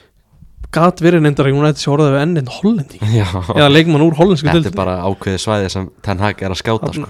Við þurfum ekki mikið að skáta þannig að hann veit allt um þetta og, mm, svona, Þessin eru ekki orðað við neitt annað Ég held að það vanti, ég veit hvað vantar núna í United Það vantar njósnara Já, hann er njósnara Það er bara tenna aðgegriðlega einu sem Hann er sér bara að um sjá þetta um þetta sko. og Vekost náttúrulega, hann vakti svolítið aðtekli á HM sko, hann að eitt leikur hann, Argentína kemur inn á Já, já, sko akkurat. tvísvar og Hetið þar og Messi náttúrulega hraunar yfir hann eftir leika og með eitthvað stæla við hann tekur hann að Já, bóbó heitur maður bara Já, gaman að því uh, Við tölum, Hvern vilt þú fá? ég er svona Vekost eða Ababakar Já. eða Giroud, ég er enda hrifin að því líka það skal þið pæling Eða Þú veist hver er að fara að hjálpa liðinu mest? Segjum að Eh, Martial byrji alla leikina Hjálpa liðinu mest Já, hann var að svarta fram með Ég, auðvitað, Giroud Já.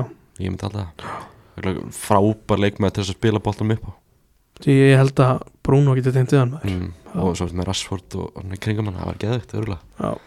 uh, Vilt þú meina Árum kannski slúttum þessu aðeins Það Mm. vilja ákveðni menn hérna á, á skrifstæðinu meina að United sé í low-key tilbaráttu Mm. Viltu nafngreina þá? Nei, Nei, kannski óþarfi já, ert þú einn af þeim? Nei, Nei. uh, Hvað sagði það var nýju stig í Arsenal? Nýjust í aðsana Jafnmargi leikir Er United í low-key tilbaráttu? Er Tenhag að búa til skrimsli eins og Gunnar Birgisson sagði í sérsta þetta Stína alltaf bara einhver, einhver hérna gómur á Í- Ísland og tala um þetta mm. Það er ekki svo einhver, þetta sé að fara að rata eitthvað út En hérna, t- já, já, akkur ekki Þetta eru nýju stig, 21 leikur Nó eftir Við hefum eftir að mæta Arsenal mm. Sem hefur verið hörkuleikur, alveg pottitt Mhm. Já, já, já, þú veist, ég ætla ekki eitthvað ég, þú veist, ég vona, skilur Mm. og, og með að vera önni sem er á liðinu núna framist að hann ekkert eitthvað frábær en sigrarnir er að koma inn Mhm. þá klálega er ég er ég bjart sín á að, að liði um, verði allavega þessi valdandi að Arsenal skjálu eitthvað aðeins mm. þú veist, City verður hann að næra þeim allavega núna að næstunni og vonandi ná þeir ekki að vera að hafa áhrif á þá, sko en, en já, við, United þetta er klálega tækifæri einhvern veginn núna Mm. að að líma saman eitthvað gó- einhverja sigra og, og nálgast sko. Mm-hmm. Við ákvæða að pólitík, ég sagði eiginlega ekki neitt og það er gólegt, en þú bara Ég- viðbyrst á þig Ég veit það ekki ég, ég, Nei, ég held að það sé kannski of, of snemt að tala um titilbaratu en ég held, ég hef líklega Já, David Moyes, ég vissi Ég- ekki að ég var að tala við hann ég var, Væntinga stjórnin ég var, ég var bjartstýtt hann um, þegar Óli Gunnar Solskjær á sérstu stimplu hans, þegar hann fekk Varan, Sancho, Ronaldo Já. það var ég bara, svona, er þetta í alveg að fara að gerast er ég undir að vera mestari Já. og svo gerðist það auðvitað ekki Hvað endur við, sjötta? Já, sjö- sjöunda held ég Nei, hey, við erum í uh, Evropadildinni, Já, við erum í Evropadeildinni, það er undir sjötta sjötta Ralf Rannick og Solskjær tíðanbili Við náðum að tryggja, já við náðum að klinja sjötta þannig bara í lokin, þá Mm. var, gerðum ég, vel þá var ég bjartstýtt sko mm.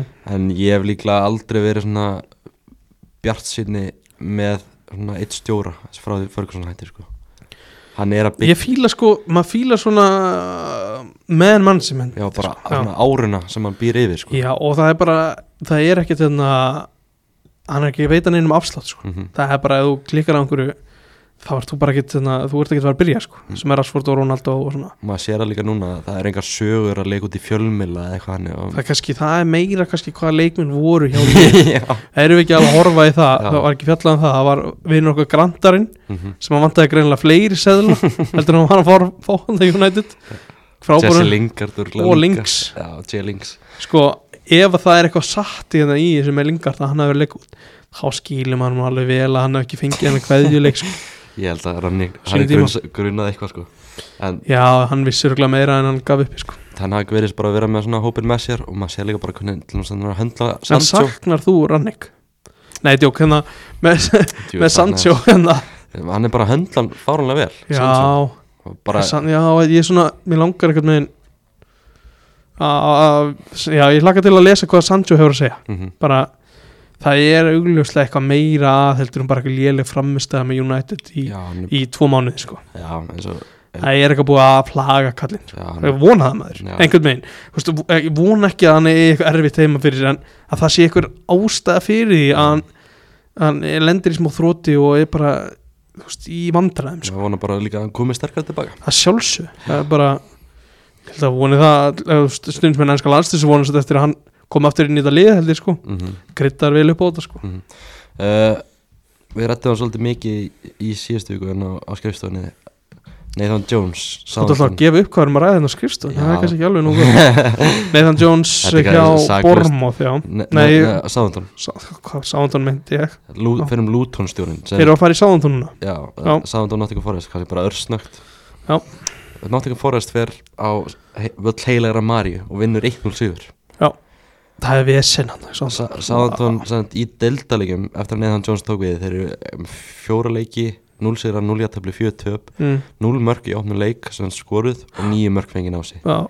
Hvað er það, voru prás með bæði mörkin eða bara eitt markað uh, ég, ég held að það sé eitt, eitt, eitt, tvö mörg Já, og bara- svo var prás með bæðmörkin já örgulega víti og Mm. ykkurspina, pottet við erum að tala þar samt, Nathan Jones Já. hann er, þú veist, þeir unnu Krista Pallas um helgina í FA byggunum Mhm. en Nathan Jones er orðin fjóruður líklastu stjórn til að missa starfið sitt Það er rosalegt maður Það er- Starfsmann að velta maður svona spyr sig hvað var sáðan að pæla að henda fjórar á samningi á þannig að og hvernig líka bara hann talar í fjölmjölum og svona Það Er hann klöfalegur? hann er bara klaufalegur Já, og það er svona hann maður kom frá QPR eða ekki Luton, Luton Town Fór stjórinn frá QPR í Luton eða eitthvað, Nei, hvernig, það er Coop- einhver tenging þarna. QPR stjórnum fór til Anna Rangers hann var orðaður Já, við þetta öll- var einhver kapallmann, já, Luton hann var ok. okay. örðaður við Já. öllu enn í Premier Já. League hann fór Já. til Rangers en þú veist, þessi gæi bara ég, þetta er fáránlega ákvörðin hjá Sáðantón sko. henda fjögur á samningi En þú veist, ef, þú- ef þú ræðuna bara út tíðanbílar það er ekki bara að skila bara þeirra við erum að fara að valla einhvern veginn. Það er það ekki pottit eitthvað svona ákveði ef liði fellur þá færði ekki þú veist, fullan starfslokasamninga eða eitthvað, hvernig sem þetta virkar ég var að skoða þetta á hann sko. Þú veist, 40 þessi gæi er 49 ára já. hann er búin að vera hjá Luton í svona tíma Gert frábæra hluti þar gert virkilega Já. flotta hluti Hann var svona, það er eitthvað ástæða fyrir að hann er í Luton sko. Já, já, já, já þetta er hann bara að vinna sér uppvandilega stígan skilur við, mm, er það ekki, þú hann veist er búin að vera svo lengi í Luton sko. hann, hann kom þeim upp já, var úr með, hvað, sé, sé til já, allavega var með mig smá baráttu hann í toppröðinni í Championship óvendri baróttu var óvæntur það ekki baráttu Já. en heyra hans í stefni pálsmennaga sko. já, en hann það er er bara kannski setið í þetta verkefni ég held að hann sé bara að sína að hann kannski sé ekki alveg tilbúin í premja líka sko. já Jú, þú veist það virðist Mm. ekki vera en, en þessi hópur hjá sáðandunum er kannski ekki bara marga fiskar sko nei, eh, það er þetta rétt Þeir þeir voru rosalega ánæðir hann með ah, ég er svo vondur með nöfni núna á þessum gæðin sko, sem að þeir voru mjög spenntir í, í hann í kringum hann að deildabekaleg sem þeir eru nú mm. komist í hérna 16-lega, nei 8-lústin hvað hétt frendið er hann að framhæði en allavega þú veist þessi breyti í þessu liði er engin og, og leikmenninnar er ekki sérstakir Það er hann að finna þetta nafn Hendi og- minn hann fram á því Já það var einhver þarna sem Sekum Mara, að Nei var hann. það var einhver sem að hana Sey Adams Nei neina alls ekki þetta var óvæntu gæði sko Veitu, hjá með hérna Edosi Edósi Já, sem, Þeir voru mjög hrifna á honum í sem hérna leik þeir fóru áfram í, sem kom frá City í Deldabekon já Mm. og hann hefur svo sem ekki svo sem fyllt þeirri framistuðunni sérstaklega eftir uh, Kanski annar leikur sem verður að nefnast á Tottenham 4-0 Sigur og Krista Pallas Þetta er að mínum að þið líklega óhantustu úrslutin í þessari umferð Þráttur að brenta ást að unni liðbúr Tottenham var að koma í mikið þrót hann Já, ég mitt þetta kom svolítið á óvart mm það var svona orðið neikvæmt svona umræðan -hmm. tapið hann á móti Aston Villa Það var 0-0 í hálfleik þessum leik og tók ekki svolítið bara Kane yfir og Kane skorar tvisvar og lagaði upp eitt eða eitthvað Brian Hill með hann að einasta þessum leikum Vá, ég er alltaf raunaði ekki nógu mikið yfir hann sem sagt. Alveg svar svarið frá honum er alvöru gæði sko. Matto hörði með marklíka og Spæns- á Son spænski. skoraði. en þetta Krista Palestæmi Mm. nú er margir svona ánægð með hvernig það hefur stæða svona ripnir að þessu liði og, og hérna og Patrik Vera spennandi og svona Mhm. þegar hefur verið sé- frá þann tók við það er alltaf eitthvað svona upp og niður framstu, alveg bara eðlilega, annars væri liðið í, í Evrópubaratu, ég gerir mig grein sko Mm. en þeir ná aldrei að að glína saman einhverju leikjum sko Ég veit bara ekki alveg hvert þetta er að fara sko. og, og hvert þetta hefur verið að fara Nei, bara í mörg, mörg ár Nákvæmlega þetta er bara náttúrulega eitt af þessum liðum sem hafa bara haldið sér í deltinu og verið í hvað það byrjunu, hvað 10, 10 til 16 eða eitthvað mm sem er bara virðingavert og allt það en það er samt bara alltaf spenntu fyrir þessum gæðum og lýsi núna um, sað hann alltaf lengri tíma Ese Ese mm -hmm. og hann að vinstri bakarinn, hvað heitir hann? Tarik Mitchell Mitchell, Mm. ég er alltaf búin að þú veist vera svolítið reyðan og, Mm.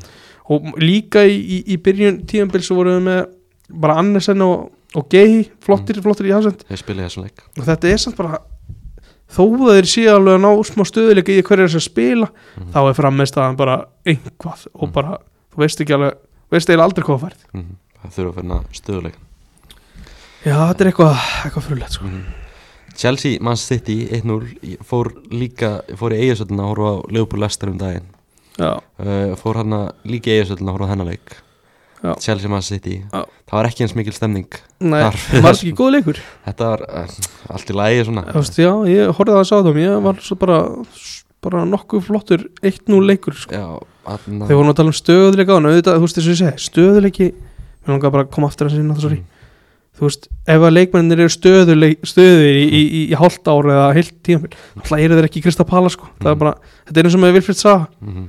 hann, hérna, Vantar það er ekki hann er aldrei, hann er aldrei góður í þráleiki röð sko, Nei. bara aldrei, en já, Æ, sér. aftur í Egilsöldina, Já, þarna það var, ég fór á Leopold og það var ekki Leopold Lester, það var brjálustemning það var ekki brjálustemning hann það, var, var einhver hann það voru nokkri hann úr Já. sitt í klubnum sem letur sjá sig já, ok, vel gert, og fögnuðu vel þegar Ríðan Maris skoraði sigjumarki en fögnuðu þeir liðsfallinu, veistu það, var ekki Gardi Óla að segja, svona veldi stunismennir að liðið verið stiltu, uh, ég veit nei. veistu þetta smá stælar í Gardi Óla, hérna, það er alltaf stælar í gardjóla með þetta liðsfall já, og svo rosa sniður Og svo- þegar hann er að gera skiptingar sem Já, virka svo og, kemur, náttúrulega hann setur hann að Grílis og Maris báða inn á hann í, Já. í setna álugnum já, kemur náttúrulega marki Grílis með sendinguna á Maris og það segir marki og svo segir Gardjóla eftir leiki ég er snillingur Já, hann er geggjaðan hann Gardi Óla Holland var eiginlega bara ósynlegur í þessum leik og fyndi að sjá hann að hann tekur bæði sjá Cancelo og Karl Volker út af í Mhm. háluleik og sjá það- myndina á hann að þegar hann svona fer af bekknum og þeir þannig að tveir sita hlið við hlið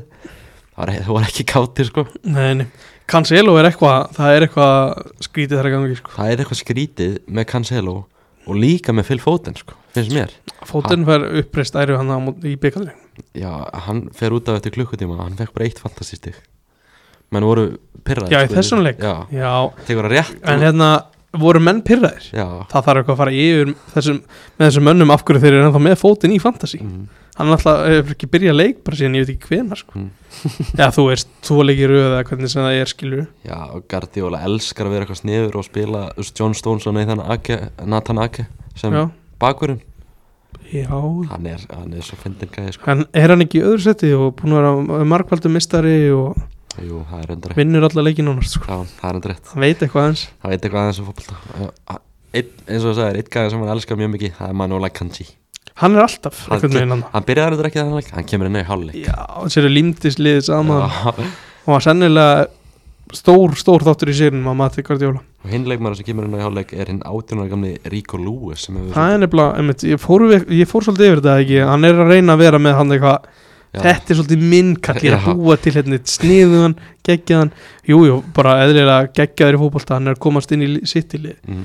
hvað er hann að hvað er Si- Guardiola að pæla hann maður sá samt svolítið einhver enski fjölmörður er fannir að líka nú við Philip Lam og eitthvað í alvöru, erum við Já. þarna bara Já, vá, ok, þetta er, þetta er þetta er svona fyrir eitthvað spennandi leikmaður gaman að sjá Já, hvernig já, hann- hann þróast en er hann bakur er hann ekki, þú veist, er hann ekki vinklu fyrir eitthvað miðjumæður hann er svona einhver, þetta er all, akkurat svona Guardiola típan, Mhm. mm. svona bakur sem kemur inn á öllin og er já virkilega Er hæfleik þetta, já, mitt, ég skil núna þið þið auðvitað líka er hann við Lam og, og Kimmik eða eitthvað skiljur þá að þetta er einmitt þessi típa sem að Já. verður væntalega miðjumar í maður, framtíðin, sko? maður svona heldur það sko já, svo fyndið að maður lítur svona yfir skýslinu á þessum leik að skoða bekkinu á City þá er þetta með Akanji, Rico Lewis Riyad Mahrez sem skora síðumarki já, já, Jack Grealish Mm. og Calvin Phillips það er þokkulega nöfn þokkulega en þú ert samt með, Rí- þú af- við getum ekki byrjað samt að tala um að eins og Ríkor Lúi sé og hann er stórstjarnar Nei, sko en svo ertu þú veist, að skilja Julian Alvarez eftir á bekknum til dæmis heimsmeistaran hjá Chelsea þá það er ertu að með sparlega með Lúi, nei, alvara sér núna já, Chelsea, þannig að þú ert, þú ert að gera tvær breytingar í fyrráleik og hendir Pierre-Emerick Aubameyang kom alveg í byrjun bara bara 50 myndir fyrir Já. Ræm Störling sem Já. meðist Já. og hann fer svo aftur út af setna í leiknum já, það var eitthvað kaldanist eftir alveg pyrraður, alveg umjöluður í þessum leik hann alltaf sást ekkert og fekk aldrei boltan sko ég var þarna að horfa á leikinn með einum félag minnum og hann spurði, býttu, var Aubameyang inn á vellinum þegar hann fór út af í setna skipti Mm. Já, já, mitt. og svo þegar Púlisik 5 metra vell á 22. myndu og kemur Tjóku Mega inn á já, Svo, eða, þú veist, efnilegu er það leikmaður ekki hann að Aston Villa strákur Aston Villa starkurinn efnilegu leikmaður kemur Sprækur inn á Já. en það er alveg langt í landi á hann sko til þess að vera eitthvað ég sér að deilt Já, klálega, klálega og svo, svo kemur hann að Ómari Högtinsson inn á 68. myndu fyrir Aubameyang fyrir um leik, Einmitt. Mm. fyrir um leikmaður Akademi Arsenal Lewis Hall kemur inn á 68. myndu hann fekk hann döðafæri til að jafna hann setti boltan Hann fekk inn. alveg færi, já, Já. já. og Conor Gallagher kemur hann að síðastur inn á Mm. um, Þetta er aðeins minni nöfn þegar þú segir það sko Ég já, geði þér að þetta alveg þetta er alveg hrikalegu bekkur hjá Chelsea í þessum leik Hva, Það vantar svolítið í þetta Þannig alltaf Mount var ekki með í þessum leik Mantmetur, svo ertu með Rhys James, Ben Chilwell, Ruben Loftus-Cheek, Eduard Mendy, Armando Broja, Wesley Fofana, N'Golo Kante, örugglega einhverju fleiri líka. Já, en Golo Kante er sennilega búin að spila sem síðasta leikur til Ég með mikla tilbyggingur Ég, ég held að séu samt nýja fréttur að hann sé að fara að framleika. Er það málið? -hmm. Vá, hvað þetta var ótíma að byrja umæljóð með Getur þú kvætt þetta út? Nei, nei, hérna Nei, mér, það er bara eitthvað með verið svona Þessi fílingum með að um, bara ég er aldrei með liðinu á þessu tíma Hún er meittur núna heldur tvisvar í þrjá mánuði Kante er á niðurlega á sínum ferli, ég held að það er klart mál. Já, ekki útalega kantir samt Nei, maður get- heimskur um að gera það samt. Já, nákvæmlega Uh, þessi lið mættu, við fyrir kannski bara beint í það, þessi lið mættu svo í FF-byggunum bara í gær. Já, förum yfir það Úff, það var... Úff, ég veit ekki Það hvað var að segja. gjössanlega einstefna að öðru marki Mm, og svo hinu markinu í setnáleik mm -hmm. bara himin og haf Já, hvað er með á milli þessara liða það er það var eiginlega ótrúlegt Já, fengum við að sjá hann að Julian Alvarez mættur aftur skoraði á viti en mér finnst eiginlega sumera svolítið mikið í þessu liði eða mikið í- bara þú veist leikurinn eigðilegst þegar að Kai Havertz ákveður að ég veit ekki hvað hann er að gera Fáralegt sko kýlir í boltan í hotni Já, og að hann hafi ekki bara sagt til dómaran þegar að það var verið að fara að skoða þetta dæmdu bara viti, skilur þú veist hvað er hann að spá Og líka þannig að við þurftum að fara í skjáin til þess að sjá þetta sko já ég skil það reyndar ekki, okkur gæti ekki var bara einmitt, þetta er bara viti, það þarf ekki að ræða þetta Gumi Ben var bara, hann var að lýsa um leik á stættu sport að bara, Þegar hann var að fara úr skjánum og heldur að þetta sé ekki að viti þá er andar einhverja bara heila frumur í sko. þessu Akkurat, þetta var bara, þetta var stór fyrirlegt atrið Já. þegar þú segir það, af hverju fór hann í skjáin Já, það er náttúrulega máli sko, þetta er stórfyrirlegt en bara, já, þetta var alvöru gjald þrótt hjá Chelsea þessi dagana sko. Já, og þeir eru, hvað eru þeir eru ekki búin að unnu þannig eitthleik um daginn mm. þeir eru búin að tapa tveimur í raunum sitt í gerði aðtapum mútið Nottingham Forest unnu Já. Bormótt 2-0 töpuð mútið Aston Villa þetta er ekki búin að vera gott áður en við fórum í HM pásuna þá töpuð er 4-5 wow, maður, djúfill eru þeir kaldir Þeir eru ógeðslega kaldir núna, bara meðsli, leiðindi og akkur núna er Graham Potter sem tók að Chelsea fyrir tímbilinu næst líklegasta stjórn til að missa starfið Já, sitt í deildinni. akkurat, En og svona maður spyr sig, er Todd Bowley að fara að sína honum þólimaði? ég bara þetta er svo góð spurning sko. ég, hérna, Báli hefur verið mjög sérstaklega mjög margt Mm. þetta er svona sínt svolítið að hann sé ekki sá reyndast í þessu Mm -hmm. eh, eins og þegar hann kannski lætur tókjál fara það var rosa skrítið Þessu heimskulega ákvörðin var það svona eftir það á. er bara mm, heldist mjög illa svo ákvörðin en einhvern veginn á sín tíma þá var það var mjög Chelsea-lega ákvörðin svona Mhm. mm. Abramovitslegt einhvern veginn Svo segir Potter núna að þetta er ekki lengur Abramovits. nei, akkurat, Chelsea, sko. en þú veist, erum við þó að tala um að Chelsea er bara að vera sagt- sætta sig við spila í Evropadeldinni Ég veit ekki sko. er það ekki svolítið svona Abramovits var alltaf bara er við mistafildinni eða þú ferð skilur, skilur þetta var Já. bara, það var ekkert annað í bóðin að be- berjast alveg á toppnum Þeir eru tíundarsættir núna með 25 stíð eftir 17 leiki pluss 1 í markatölu. Eh, Já. hvað er langt í Leopold til dæmis? er þetta bara eitthvað 2-3 stig? Eða þrjú stíð í liðbúl Já. þannig að það er- þetta er- þetta er ekkert þetta game er over 10 stig þá í Manchester United í fjórasett Já, það er, það er ekki, eins og segir, það er ekki game over en með það er bara menni sem vantar í liðið já, bara menni sem er að spila alla leiki Já, Kai, við- ha Kai Havertz Meisa Mount er búin að vera umöluður á þessu tímbili hann átti rispu, hann átti rispu hann í oktober held ég Kai, þú veist, Kai Havertz, Raheem Störling Pierre-Emerick Aubameyang Já. þessi gæjar sem er að spila fram á því og við nefnum ekki eins og þú veist Sijek og, og, og Púlisitt sem ættu kannski að vera einhver Já, meginn að- að rista eins upp í þessu þetta er ekkert eðlilega bara svona gældir gæjar já, þetta er, all, það er allir að trenda niður allir eitthvað svona með hangandi haus þess að segir líka komin á kanti hann er ekki eins og að spila, hann er samt að trenda niður Já. þú veist, það er bara mjög vond sko. eini sem maður hefur svona fundist með lífsmarkið þessum gæjar, þú veist, getur sagt Lewis Hall eða eitthvað mm. Mér finnst Matteo Kovacic búin að vera fýtt sko mér finnst hann alltaf skila eitthvað með sína hann alltaf er ekkert eðlilega góður í fótbolta Mhm. og brjótu upp leiki svona, svona hann fljótur að hann horfir fram á við segjum Mm. það hann og viðst, Loftus Cheek líka búin að vera solid sko. Já, og svo Conor Gallagher til dæmis geggjað með Krista Pallas á síðustu leiti Hann er bara búin að vera umulugur á þessi tími sko. sko það var svolítið skrítið í byrjun hvernig Tuchel var með hann en svo einhvern veginn Vist, Ég, ég, ég var svona Já. að hugsa um daginn sko Æ, hann hefur ekki verið að fá hann einn tækifæri og eitthvað svona Þá lítur á sokka við sko já, Sér allar mínútur sem hann er búin að fá Hann er búin að Já. fá heil, heilmarga mínútur sko Til já, þess að sanna sig þetta og gera er alveg góð eitthvað punktur, alveg góð punktur sko. Og ekki en mér gert var neitt samt einhvern veginn skrítið að hann hafði ekki byrjað bara beint eftir að háum sko.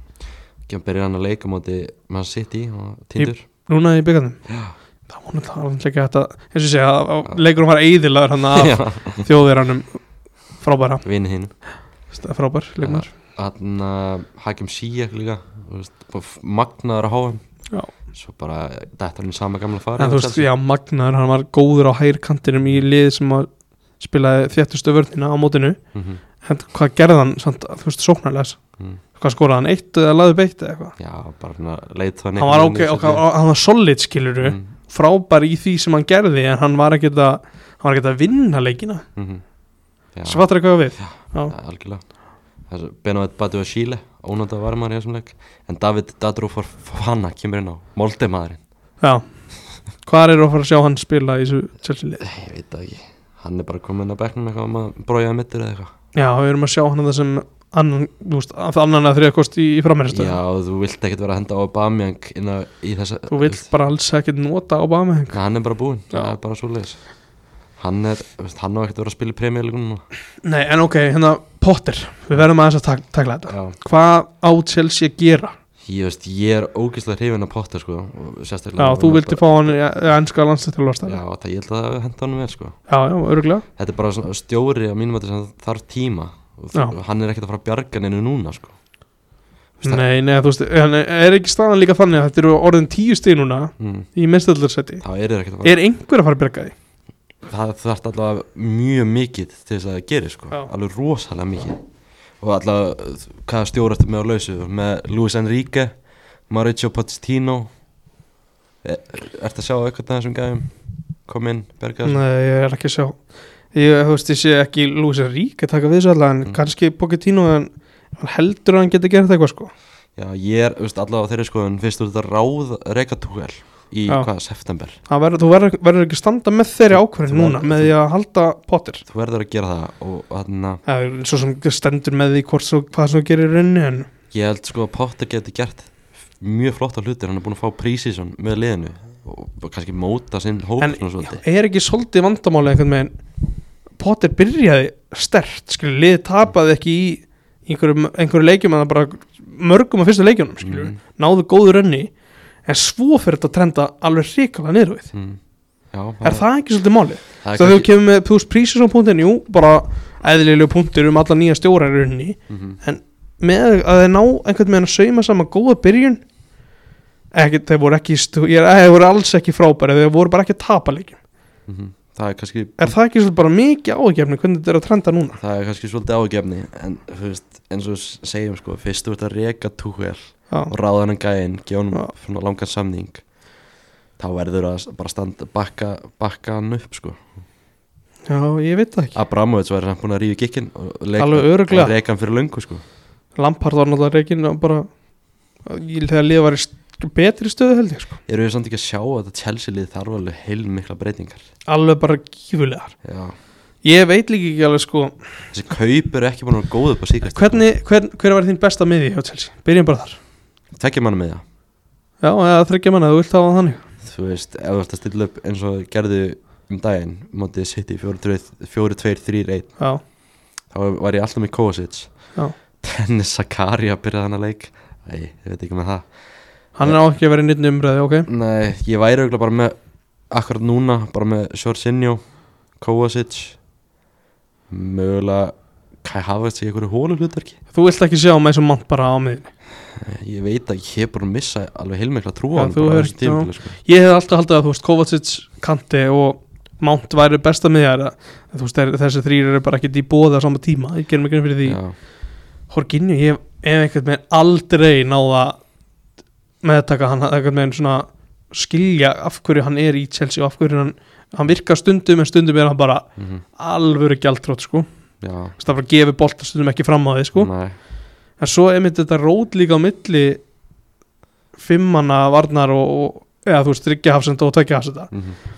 balansan á miðinu er, all, er alltaf mismunandi eftir leikjum er Já. það, þú veist er það, það er náttúrulega, þú- Tuchel var ekkert eitthvað mikið rótið þarna á milli, var hann Mm. ekki alltaf með þryggja manna Jú, í, alltaf sko ja, og Chelsea bara búið að vera vant í núna svolítið tíma sko Potter er svona, hann er ekki enn búin að finna sitt besta kerfi sko og, Nei, og svo, svo var, var alltaf að að rú- rúlla svolítið hjá Brighton já, en á, oftast í þryggja manna var ekki bara skiljanlega og maður sér það líka bara á hliðalinni það var svona Já. gett flottu fyrst búin að fá sér stílist á Já, hárið er orðið úfið hann er í og- vesinu núna já, hann er- já, Það er ekki- svona, hann er ekki að hugsa alveg nægilega vel um sjálfan sig sko. kannski að sofa minna já, En er ekki, þú veist ef við horfum í það, horfum einhver leikir þú veist, Mm. mm. hann virkar ekki þ- svona það bara virkar ekki, kúk, þetta eða kúkureyja eða hvernig svo vilt segja, skilju já, þú veist, þessi, eins og við vorum að segja á hann erum við ekki að fara, af, af hverju, og, og hafsendunir þeirra er ekki betur en þetta já, Tíu Silva, 38 ára eða eitthvað af hverju fyrir hann ekki í bara eldgamla fjögur manna kerfi,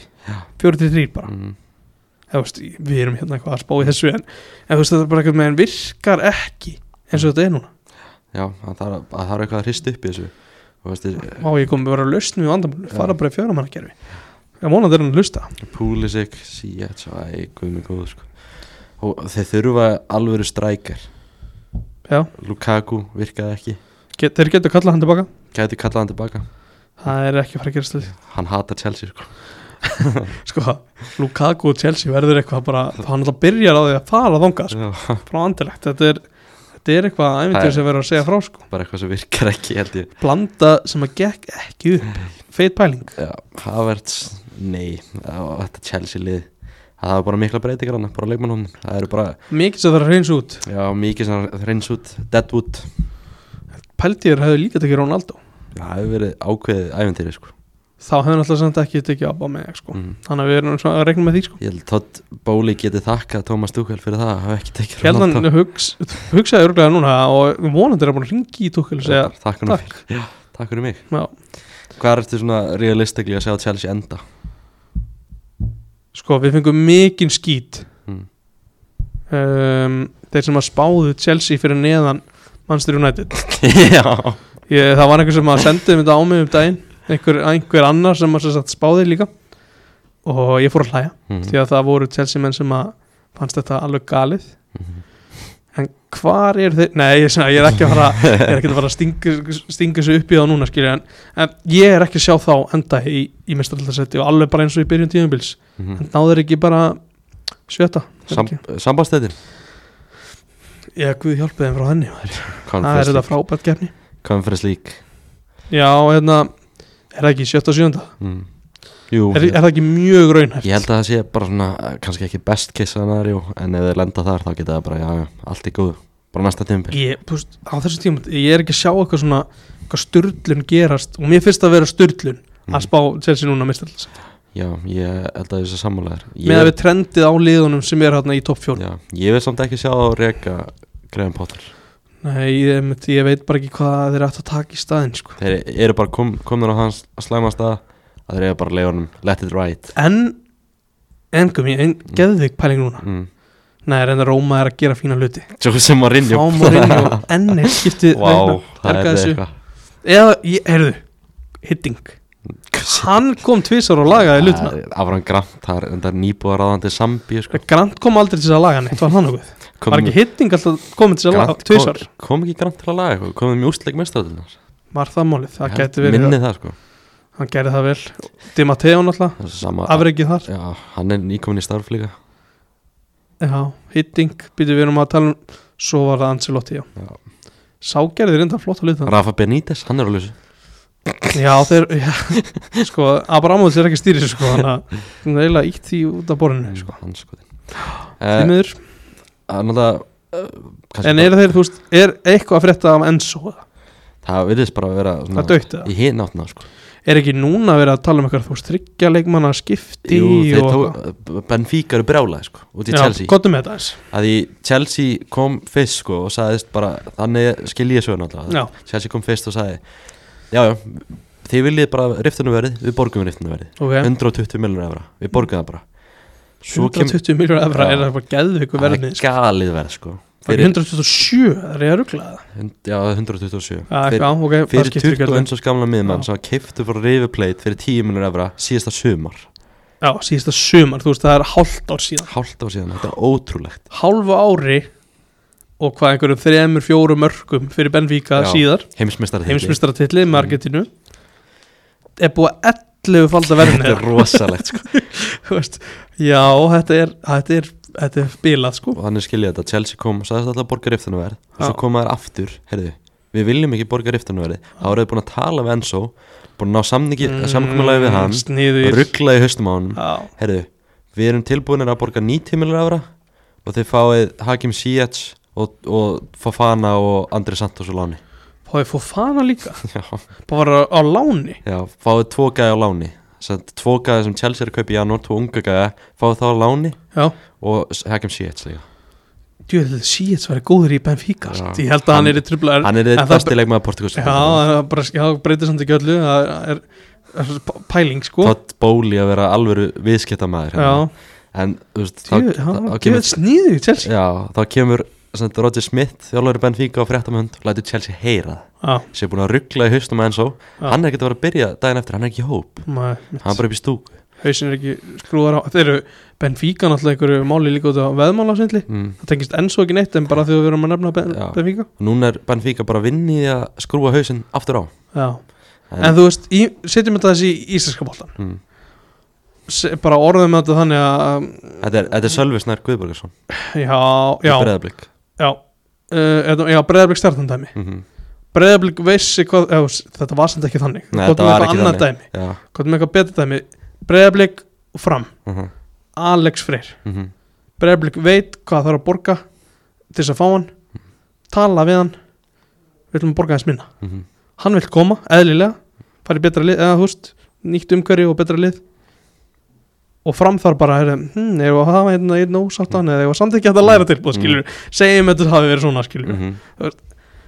Eh, þetta er bara viðskipta þú veist, svona pælingar skilur Mm. hvernig, hvernig, hvernig taklar þetta Já, og Chelsea er svona já, þetta er hversu heiðalegt þetta er náttúrulega er, ruggla í haustum er á hann ekki, en þú veist, já, ertu, þá, ertu bara að leggja fram svona munnlegt tilbóð mm. Heyrðu, við ætlum að borga riftinu að verið og svo farða að ræða með eitthvað Já, það er auðvitað bara eitthvað svoleiðis Þetta er Ah, mjög þetta er- skrítið hvernig þetta virkar Shit, sko, já. M- Myndir halda sko, myndir vilja fá eitthvað svona staðfest tilbúð Já, Bara geti akkurat, ekki það tekið sé þetta hérna tilbaka á borði á pappír sko Geti ekki tekið þetta tilbaka Þetta er bara ef þú geti getur tekið þetta tilbaka þá bara neytar þessu ekki mm. bara, bara erum við ætlum ekki að taka hann við við erum ekki hrifnir á hann, Já, skilur við þannig eitthvað þetta er svo, en ekki shit- að þú getur breytt verðinu skilur þetta er svo mikið shady business eitthvað við já, en þú veist, virkar þetta ekki bara svona alls, eh, virkar þetta ekki bara með allt svona Jú, það er ekki gæti með. verið. heldur að enn svo endi á Stamford Blitz eða? já, eh, þetta er svo góð spil jú, ég, ég held að, ég Ég ætla fór bara, bara að vera það núna ég ætla bara 100% í lókluggans já, og bara gæfvel fljótlega sko, þú veist Chelsea þarf að gera eitthvað, þeir eru, ég held að þessi alveg mjög desperate Já. og já, ég held að og það sem þið þurfa mikið er miðjumar Ég finnst það, ég finnst það Klárlega. alveg klart sko Mhm. Þurfa menn fram á þið svo sannlega líka Já, hann, það er svona kryddar, það er svona eitthvað með held ég ná að að binda eitthvað saman sko Hann ætla að tala um Mikael og Mútrygg Svo er náttúrulega að sjá að Felix orðaði völlið sko. Já, Felix í Chelsea, eru ekki, Mm. getur það ekki alveg gerst Það er- Hann er samt bara- Skrýnar hluti hann er gerast bara svo líkur hinum leiknum sem er þannig bara eitthvað gældur sóknamaður sem Enn eitt, skilur, þetta er bara einn af þeim já, sem bara vinnur ekkert eitthvað rosalega mikið fyrir liðið en Já. eitthvað annir sko En hann, ég vil, ég vil ekki sjá, sjá Felix í Master United sko ekki, næ, ég held að vilja það, vilja mjög fáir sko En Ég- vor, var ekki eitthvað svona forkaups, eða forkaups, eitthvað svona val Þú veist, United getur bara út af sam, sam, samskipti við Mendes eða eitthvað, bara Mm. grætt græða þetta eða eitthvað ég veit ekki ég sá að nýjasta í þessu er svona tvermiðin eitthvað, eitthvað 15 miljonar evra fyrir, fyrir lán og svo 70 miljonar 75 miljonar evra obligation to buy Obligation, já, þarft þar að, að kaupa þú þarft að kaupa hann Já, þeir eru, djúðlir líflegir hann að Atletico já, Spilaði hann í gæri það? nei, ég held ekki Ég held að Simjón þóla hann ekki sko. Simjóni þólar hann ekki Þó hann segi annað sko hann Stímjóni, þetta voru náttúrulega bara galin kaupur á byrjun Sjá að Felix er, þú veist, ég horta á nokkru sinnum 114 miljónir pundar Já, Eða evra hann á sín tíð Sturla verð, sko Sjá, Shit. að, að, Hann byrjaði hér Hann byrjaði í gær. Já, en Skulum ekki tala meiri þvælu hérna Sjá að Felix er samt, hann, Stímjóni hatar hann, sko Ég Já, held það. ég held það líka Hann fíla hann elskar gæja sem hlaupa endalaust Og sjá að Felix er latast í fótballtamaður síðan sé Er, er, er hann alveg bara sér lífin Hann er Antoni Masselever, sko Það er bara Já. svolítið Akkurat, Berbatov myndi löpa meira Já, örgulega En kannski bara örsnögt Já. FA byggarinn, alltaf skemmtilegt að fá byggarhelgi Í- Já, þú segir það sko Ég er ekki, Ég finnst það alltaf gaman, svona það minnst það mjög leðilegt þegar mitt liði er búið að spila sko. mm. Þannig að er eitthvað svona úslit sem st- svona standa upp úr hér Steven Edge, Aston Villa Það er svona kannski helst svona sem stendur upp úr hjá mér Já, uh, Kannski Svo... Svo vorum við með Dan- Við vorum með fleiri útlit David Gea mistökin Mátti auðvitað þau standa svona svolítið upp úr hjá mér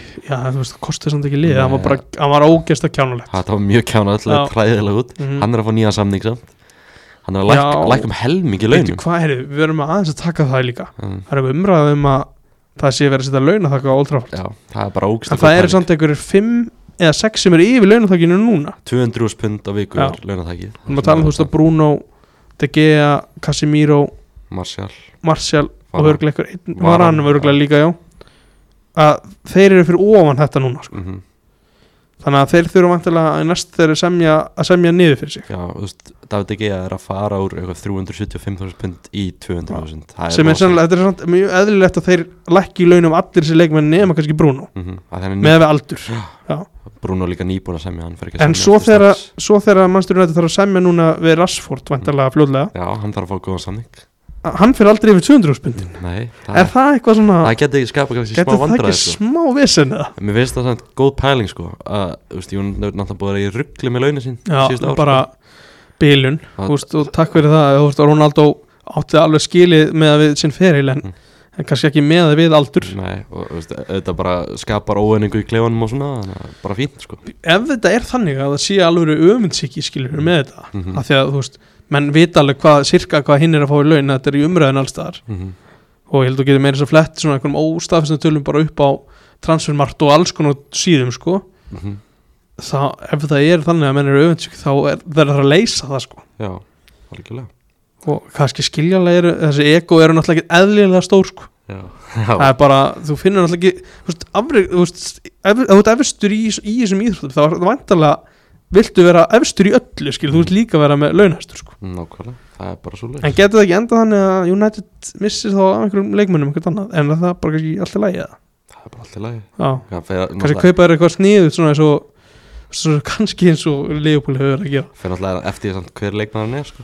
hey, jú, jú, en þessar stærstu stjórnir þá kannski fara þér annað sem að einmitt, er, er þá allt í lægi vandalega mm, já, nákvæmlega en leikmenn er svo, þú veist, Alisson og, og sínum tíma og Sadio Mane og Sala og, mm þeir kannski hefur getað komið á 200 úrspund já, nákvæmlega Já. Eh, ég er svona aðeins að rúlegur þessi úslit í, í, í byggarnum börnleifinu 47 á Bornmoth já, ekkert eitthvað sérstaklega óvænt en Nei, öll, þú veist, þetta er svo óbörnilegt að skora fjögumörk sko. Jón Berg leggur upp, þetta er bara nýja börnleif já, einmitt nýja börnileg skulum orða þannig miklu frekar en eitthvað óbörnilegt því að þetta er orðið allt annað batteri sko. Mhm. nákvæmlega geggja, bara gaman að horfa á sko. mm, Blackpool vinnu 47 á Nottingham Forest Já, það er, var það ekki pínúvænt? Það var Forrest mjög- er svona smá að trenda upp á við Blackpool er í fallseti í Championship Við feng, Það var einhver umræðum hann að Ian Poveta mm. að loksins hafa hann sínt eitthvað fyrir Blackpool gamli lýtsmaðurinn Já, sitt í, sitt í gæðin sko Já, Eh, Er eitthvað fleira í þessu Wrexham, mann Coventry 3-4 út já, er það, já og náttúrulega hérna Hollywood-æventrið mm, já, þeir eru að fara- Reynolds var, að- hann hann að týsti eitthvað Þeir voru að missa sig á Twitter Já. úslitum, gaman að sjá það Geggjaður og þeir eru bara að mæta Sheffield United í næstu ferð Já, Leeds þurfti að koma tilbaka mútið Cardiff Mhm. til þess að fá annar leik og klúðuruðu víti, Rodrigo klúðuruðu víti Já, Rodrigo, já uh, Sunderlandinu Shrewsbury Diallo átti, eh, þátti allavega einhverju markið þar, hann er að heitur Diallo er sjóðandi heitur sko Hvort á maður að segja Diallo eða Amat? Ég segi alltaf Diallo Alltaf sé ekki Amat þá Jú, jú, það er, hann er með það að treyna já, já. Sheffield Wednesday vinnur Newcastle já ef það er óvænt í Það slútt er óvænt er það ekki, er ekki meira það er óvæntara heldur en er það, Nei, nei, nei, nei, Aston Villa þeir eru Stífinits er óvænt þeir- það er détild sko Já, Sheffield Wednesday er í sétild en samt með við, ef þú horfir í það þetta er liðið sem er í þriðisett í úrslutinni Já, Mhm. á móti Sheffield Vensti það er mjög óvænt það er alveg þvílít óvænt og þú veist, Newcastle, Martin Dubark komin í markið á hann. Þeir eru að Herru, spila- þeir fengu hann tilbaka og beint í markið Já, fengu hann vel bara gert, Alexander Isaac, hann spilar hana og Joe Linton, þetta er ekkert slæmt lið sem Newcastle er að Ekki stilla upp. beint kannski svona Þetta- gott fyrir Æs- Ísakinn okkar Mm. allra Mm. að hann sé að koma inn í liðið og þeir gjössulega drull á sig sko. og Leopold Wolves voru maður að sé verið það á hann Þú veist, hvað finnst þér um að leikinu svo endutöknir í staðan fyrir að fara upp í framlengi og vítum þetta er bara búið, þú veist, hvað finnst mér þetta er alltaf svo uh, þetta er- bara auka leikir sem er og þú veist í- svona, það er þetta er mjög óáhugaverði leikir alltaf þessi replay leikir Já.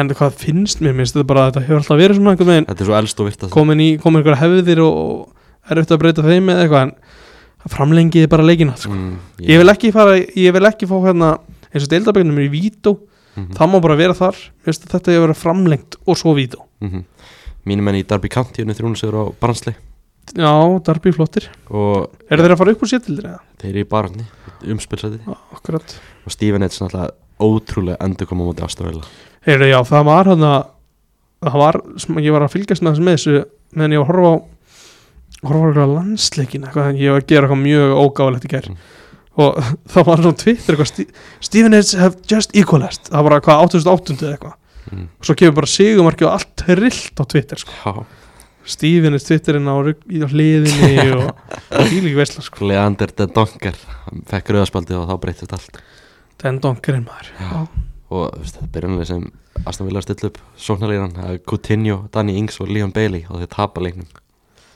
já, það er ótrúlegt Já, stundum þarf að vera með eitthvað tilbaka líka, Robin Olsen var hann var ekkit, hann var ekkit íkja samfærandi í markinu sko, Nei, ja. Það er eitt markið allavega, annar markið sem að leitt ríka leitt út, mm uh, Una Emery Já. þeir eru þeir hafa ekkert farið eitthvað rosalega vel að stað fyrir um auðvitað tóttamleik já, eftir frí núna Já. já, já. Já, já, það er alveg góð búntur Mm. mm. Tvei búntur með Leopool það lýts næst, það er kannski svona góðu leikur til þess að byrja Þeir fengi alveg alvöru reality check núna Þetta liði er ekki betra en þeir heldur sko Nei og, þú veist, eh, hópurinn er samt alveg góður á pappi sko, veist mér Þeir eru gott byrjunalið mm -hmm. En það er svona ekkert mikið fyrir utan það hérna hann og það er nokkuð Nei, Það ætlar að gefa þér eitthvað á bekknum Það sem eru bara, eru þessi geggjaður Þetta er mið, þetta, er- þeir eru bara miðan delt en það er spurning hvað svona gera á næstu vikum Það geta, Já. maður sér það allavega að það geti unni næstu þrjá er það með að fá lýts og hvað fá er kjölfari Sándón, á mjög, mjög vinnanlegur ég leikur er bara að vinna það já, þótt að segja útvöldi, svo lestur heima það er Já. annar mjög leik Já, akkurat. annar leik og segja geta unni uh, Þetta er ekki búið það er Oxford Arsenal í kvöld já já, ég, ég er að sjá fyrir mér marga breytingar og lesanál Já, það verður mjög marga Já, breytingar þó að þeir séu ekki að spila í deildabeganum eða, og spila ekki í rauninni næstu hvað er næstu helgi vantala Mm. Ég um, held að- úrþöldinni Oxford er í sételt þannig að þetta er útvelli, jú, þú veist það erum við ekki að tala um bara, við erum ekki að tala um áttabreitingar, átta nýju breytingar já, markmannsbreiting og sjö útileikuna, ég ætla að Arsenal, skjóta Arsenal vinnur, vinnur þetta svona 2-0 ég er að fara, þú veist, ég, bara erum við kannski að fara alla leið, erum við að fara í 11 breytingar Gæt, ég geti alveg séð það sko hver er líklegast til þess að byrjanleika að bara sterkasta byrjanleika Arsenal, mm -hmm. Aron Amstel er ekki að fara að byrja Nei. mm, Martin Öðegard nei hann er búin að spila svo mikið Já. nei hann er búin að samt vera í fríi sko Já. hann er frí, já, hann geti byrjað auðvitað á miðinni, já, ég held ekki ekki ég held að líklegastur ég veit, að, ég veit ekki Eddie Eddie Nketiah, nei, ég held að það er bara Ben White Ben White hann er spilur bara sem miðvörur já geti verið Æ, Eh, Mm. þú veist, ég bara að segja eitthvað sko, þannig sant Hvað spenntu fyrir na- næstu umberð Það en var þú veist, hverja eru þeir með á kantinn skilur, þú veist, þetta á kantinn Fabio Vieira getur- en væri hann þá ekki að spila í staðan fyrir Ödegard Jú, þú veist, eitthvað svona ma, nei, ég það veit er bara engin breytt neistar Nei, það er ekki mikil breytana já, En það var dreig- það var náttúrulega dreig í gær Já, hvað var svona skemmtilegast í þessu Það er stæst náttúrulega Þannig að mann sitt í Arsenal Ef Arsenal klárir þetta í kvöld það er spila á Etihad Já þá fáum við Guardiola mútið Arteta Og svo Brighton Mögulega Liverpool á móti Liverpool eða Wolves Brighton, Liverpool, já, bara flottu leikur Mhm. hvað fekk United Redding heima Reading, já, flott Stoke Stevenage Stórleikur Vá, Stífi, vá, þeir fengu líka útileik Er þeir ekki ánað með það? Ríkala B- Fylla Britannia vel Og svo Wrexham Sheffield United í Wales Ég er spennt fyrir því Þú ert, mik- ert að fylgjast mikið með verksamma Já, ég horfði á þættina hjá, hjá manna Er þetta gott? Já, Ja. mjög skemmtilegt Já, Hvernig er okkar menn í Salford að gera? Þeir eru alltaf ekki í- í- hérna. kom- komast langt Nei, í nei, FA nei, -byggarnum. nei, nei, nei. Er ekki lík tú? Jú. Okkar menni Salford Já, mínir menn allavega, ég fara á leik Þú er farið að leikna þeim Fáru veikur, sko Eh, þeir eru í sjöndasæti í líktú, þeir eru Þeir eru umspili þeir eru að gera bara vel gætu að, Nevilinn maður Vá. og ekki Nicky Butt og Ryan Giggs og ykkur félag Hann er svona samt svona fronti, sko Það er ekki Neville mikið að sjá Giggs sérstaklega Þú ert ekki, þú ert ekki reyndar ekki að sjá ne- Giggs eða neitt þess að Þú dagann og ert ekki, skiljanlega þú ert ekki svo Giggs mikið á almannafæri í dag sko. Nei, já, nei, einmitt en heyrðu, hefur ekki að fara að slúta þessu eitthvað að Við lóku erum ekki búin að tala neitt um Manchester City sko. ekki orð, að það Jú, Jú, við tölum um City Chelsea já, báða tölum, leikina tölum kannski aðeins meira um Chelsea Ah, en, en Holland, er þetta Hann er svolítið búin að detta svolítið niður bla- er þetta blaðarann sprungin? Ég, ég sagði, nei, Nei, séns. segi Guðmundur ekki send sko blaðarann ekki sprungin Hann er, hann dotti niður, do- eh, dotti smá niður í síðustu leikim Já. En blæðar hann ekki spúin Hvað Ég sé. hvaða leikir eru í næstu umferð? Í Premier League Já, sko, Nei, ég ætla ekki að spyrja út í Delta-byggarinn sko, við förum yfir það kannski síðar Delta byggarinn vá maður Herru, næsta umferð byrjar á mm. föstu daginn, föstaskvöld Aston Villa Leeds Og svo er Býtu, eru ekki, er ekki hérna, Chelsea fúlam ekkert tíman? Er það núna í miðri viku? Chelsea Fulham Já, byrju. er ég eitthvað ruglað? Er það á fimmtudaginn? Mm, Þú ert eitthvað að ruggla Ég er eitthvað ruglað sko Það er ekkert í miðri viku sko Ok. okay. Chelsea Krista Pallas á sundaginn En stóleikur helgarinnar er klugan 12.30 á laugardaginn Manchester slagur á Old Trafford Já, Ef United ætlar að halda áfram í þessari low-key tilbaratu þá verður það að vinna það leik já, klálega og svo er náttúrulega, þetta er eiginlega bara super helgi framöndan sko, að í, á sunnudagskvöldi eh, kl. 16.30 á sundaginn Tottenham Arsenal North London Derby Já, það er rosalega, rosalega það er heitur kóla. alvöru, alvöru leikur sko. já, en þangað Býti, til jú, jú, þú ert að ljúa mér Ég held ég verið búin að vera með marga staðalendir við rangar í sem er þetta Chel- er Chel- what? Fúlan Chelsea er á fimmtudaginn ok, já, Ég kannski tökum upp, það hefur ekki taka aftur på föstudaginn föstudaginn Bara eitthvað svona leikmannamál og dildabikkarinn og fá einhvern gest eða eitthvað Já, bara, bara svo svolítið svona frírætum þetta eitthvað með Já, Sjá hva, jú. hvað gemur upp sko gerum það ef Já. áhugjönd að þessu þætti voru góður það er bara alltaf Íslandingar elska íslenska, enska boltan sko. og vonandi íslenska líka Ég held að sé komið nóg af rambli já, er eitthvað, er eitthvað slúður í dag eitthvað svona sniðt Nei, Arsenal eitthvað er hann að köpa Mudrik Módrik, Stæst í þessu Módrik í Arsenal við Modric í verðum að, Arsenal. viljum við ekki sjá það? Jú ég vil sjá, Þá er titlbaran spennandi fimmstu fórskot það er ekki nóg Nei, að spennandi. það er ekki nóg, það er ekki nóg að sitt í sko erum við ennþá þar bara sí, Já. að, þetta, að þetta sé sitt í að tapa þessu Já, en, erum við þar, er ég, þetta ekki ég er þar ef Arsenal vinnur ekki, er þetta þá ekki tapaður tapaður möguleiki á Arsenal Mi, er þetta miklu meira sitt í meðin í ekki, þessu ekki enn sem komið er Nei, Ég er ekki alveg þar á, nei, þetta er þetta er geggjað ég, þetta er snild, háum var snild en djúhöldu gaman að enski sé aftur í gangi sko. Það ekki gaman að tala við ykkur mér, Sem við heyrjumst Bye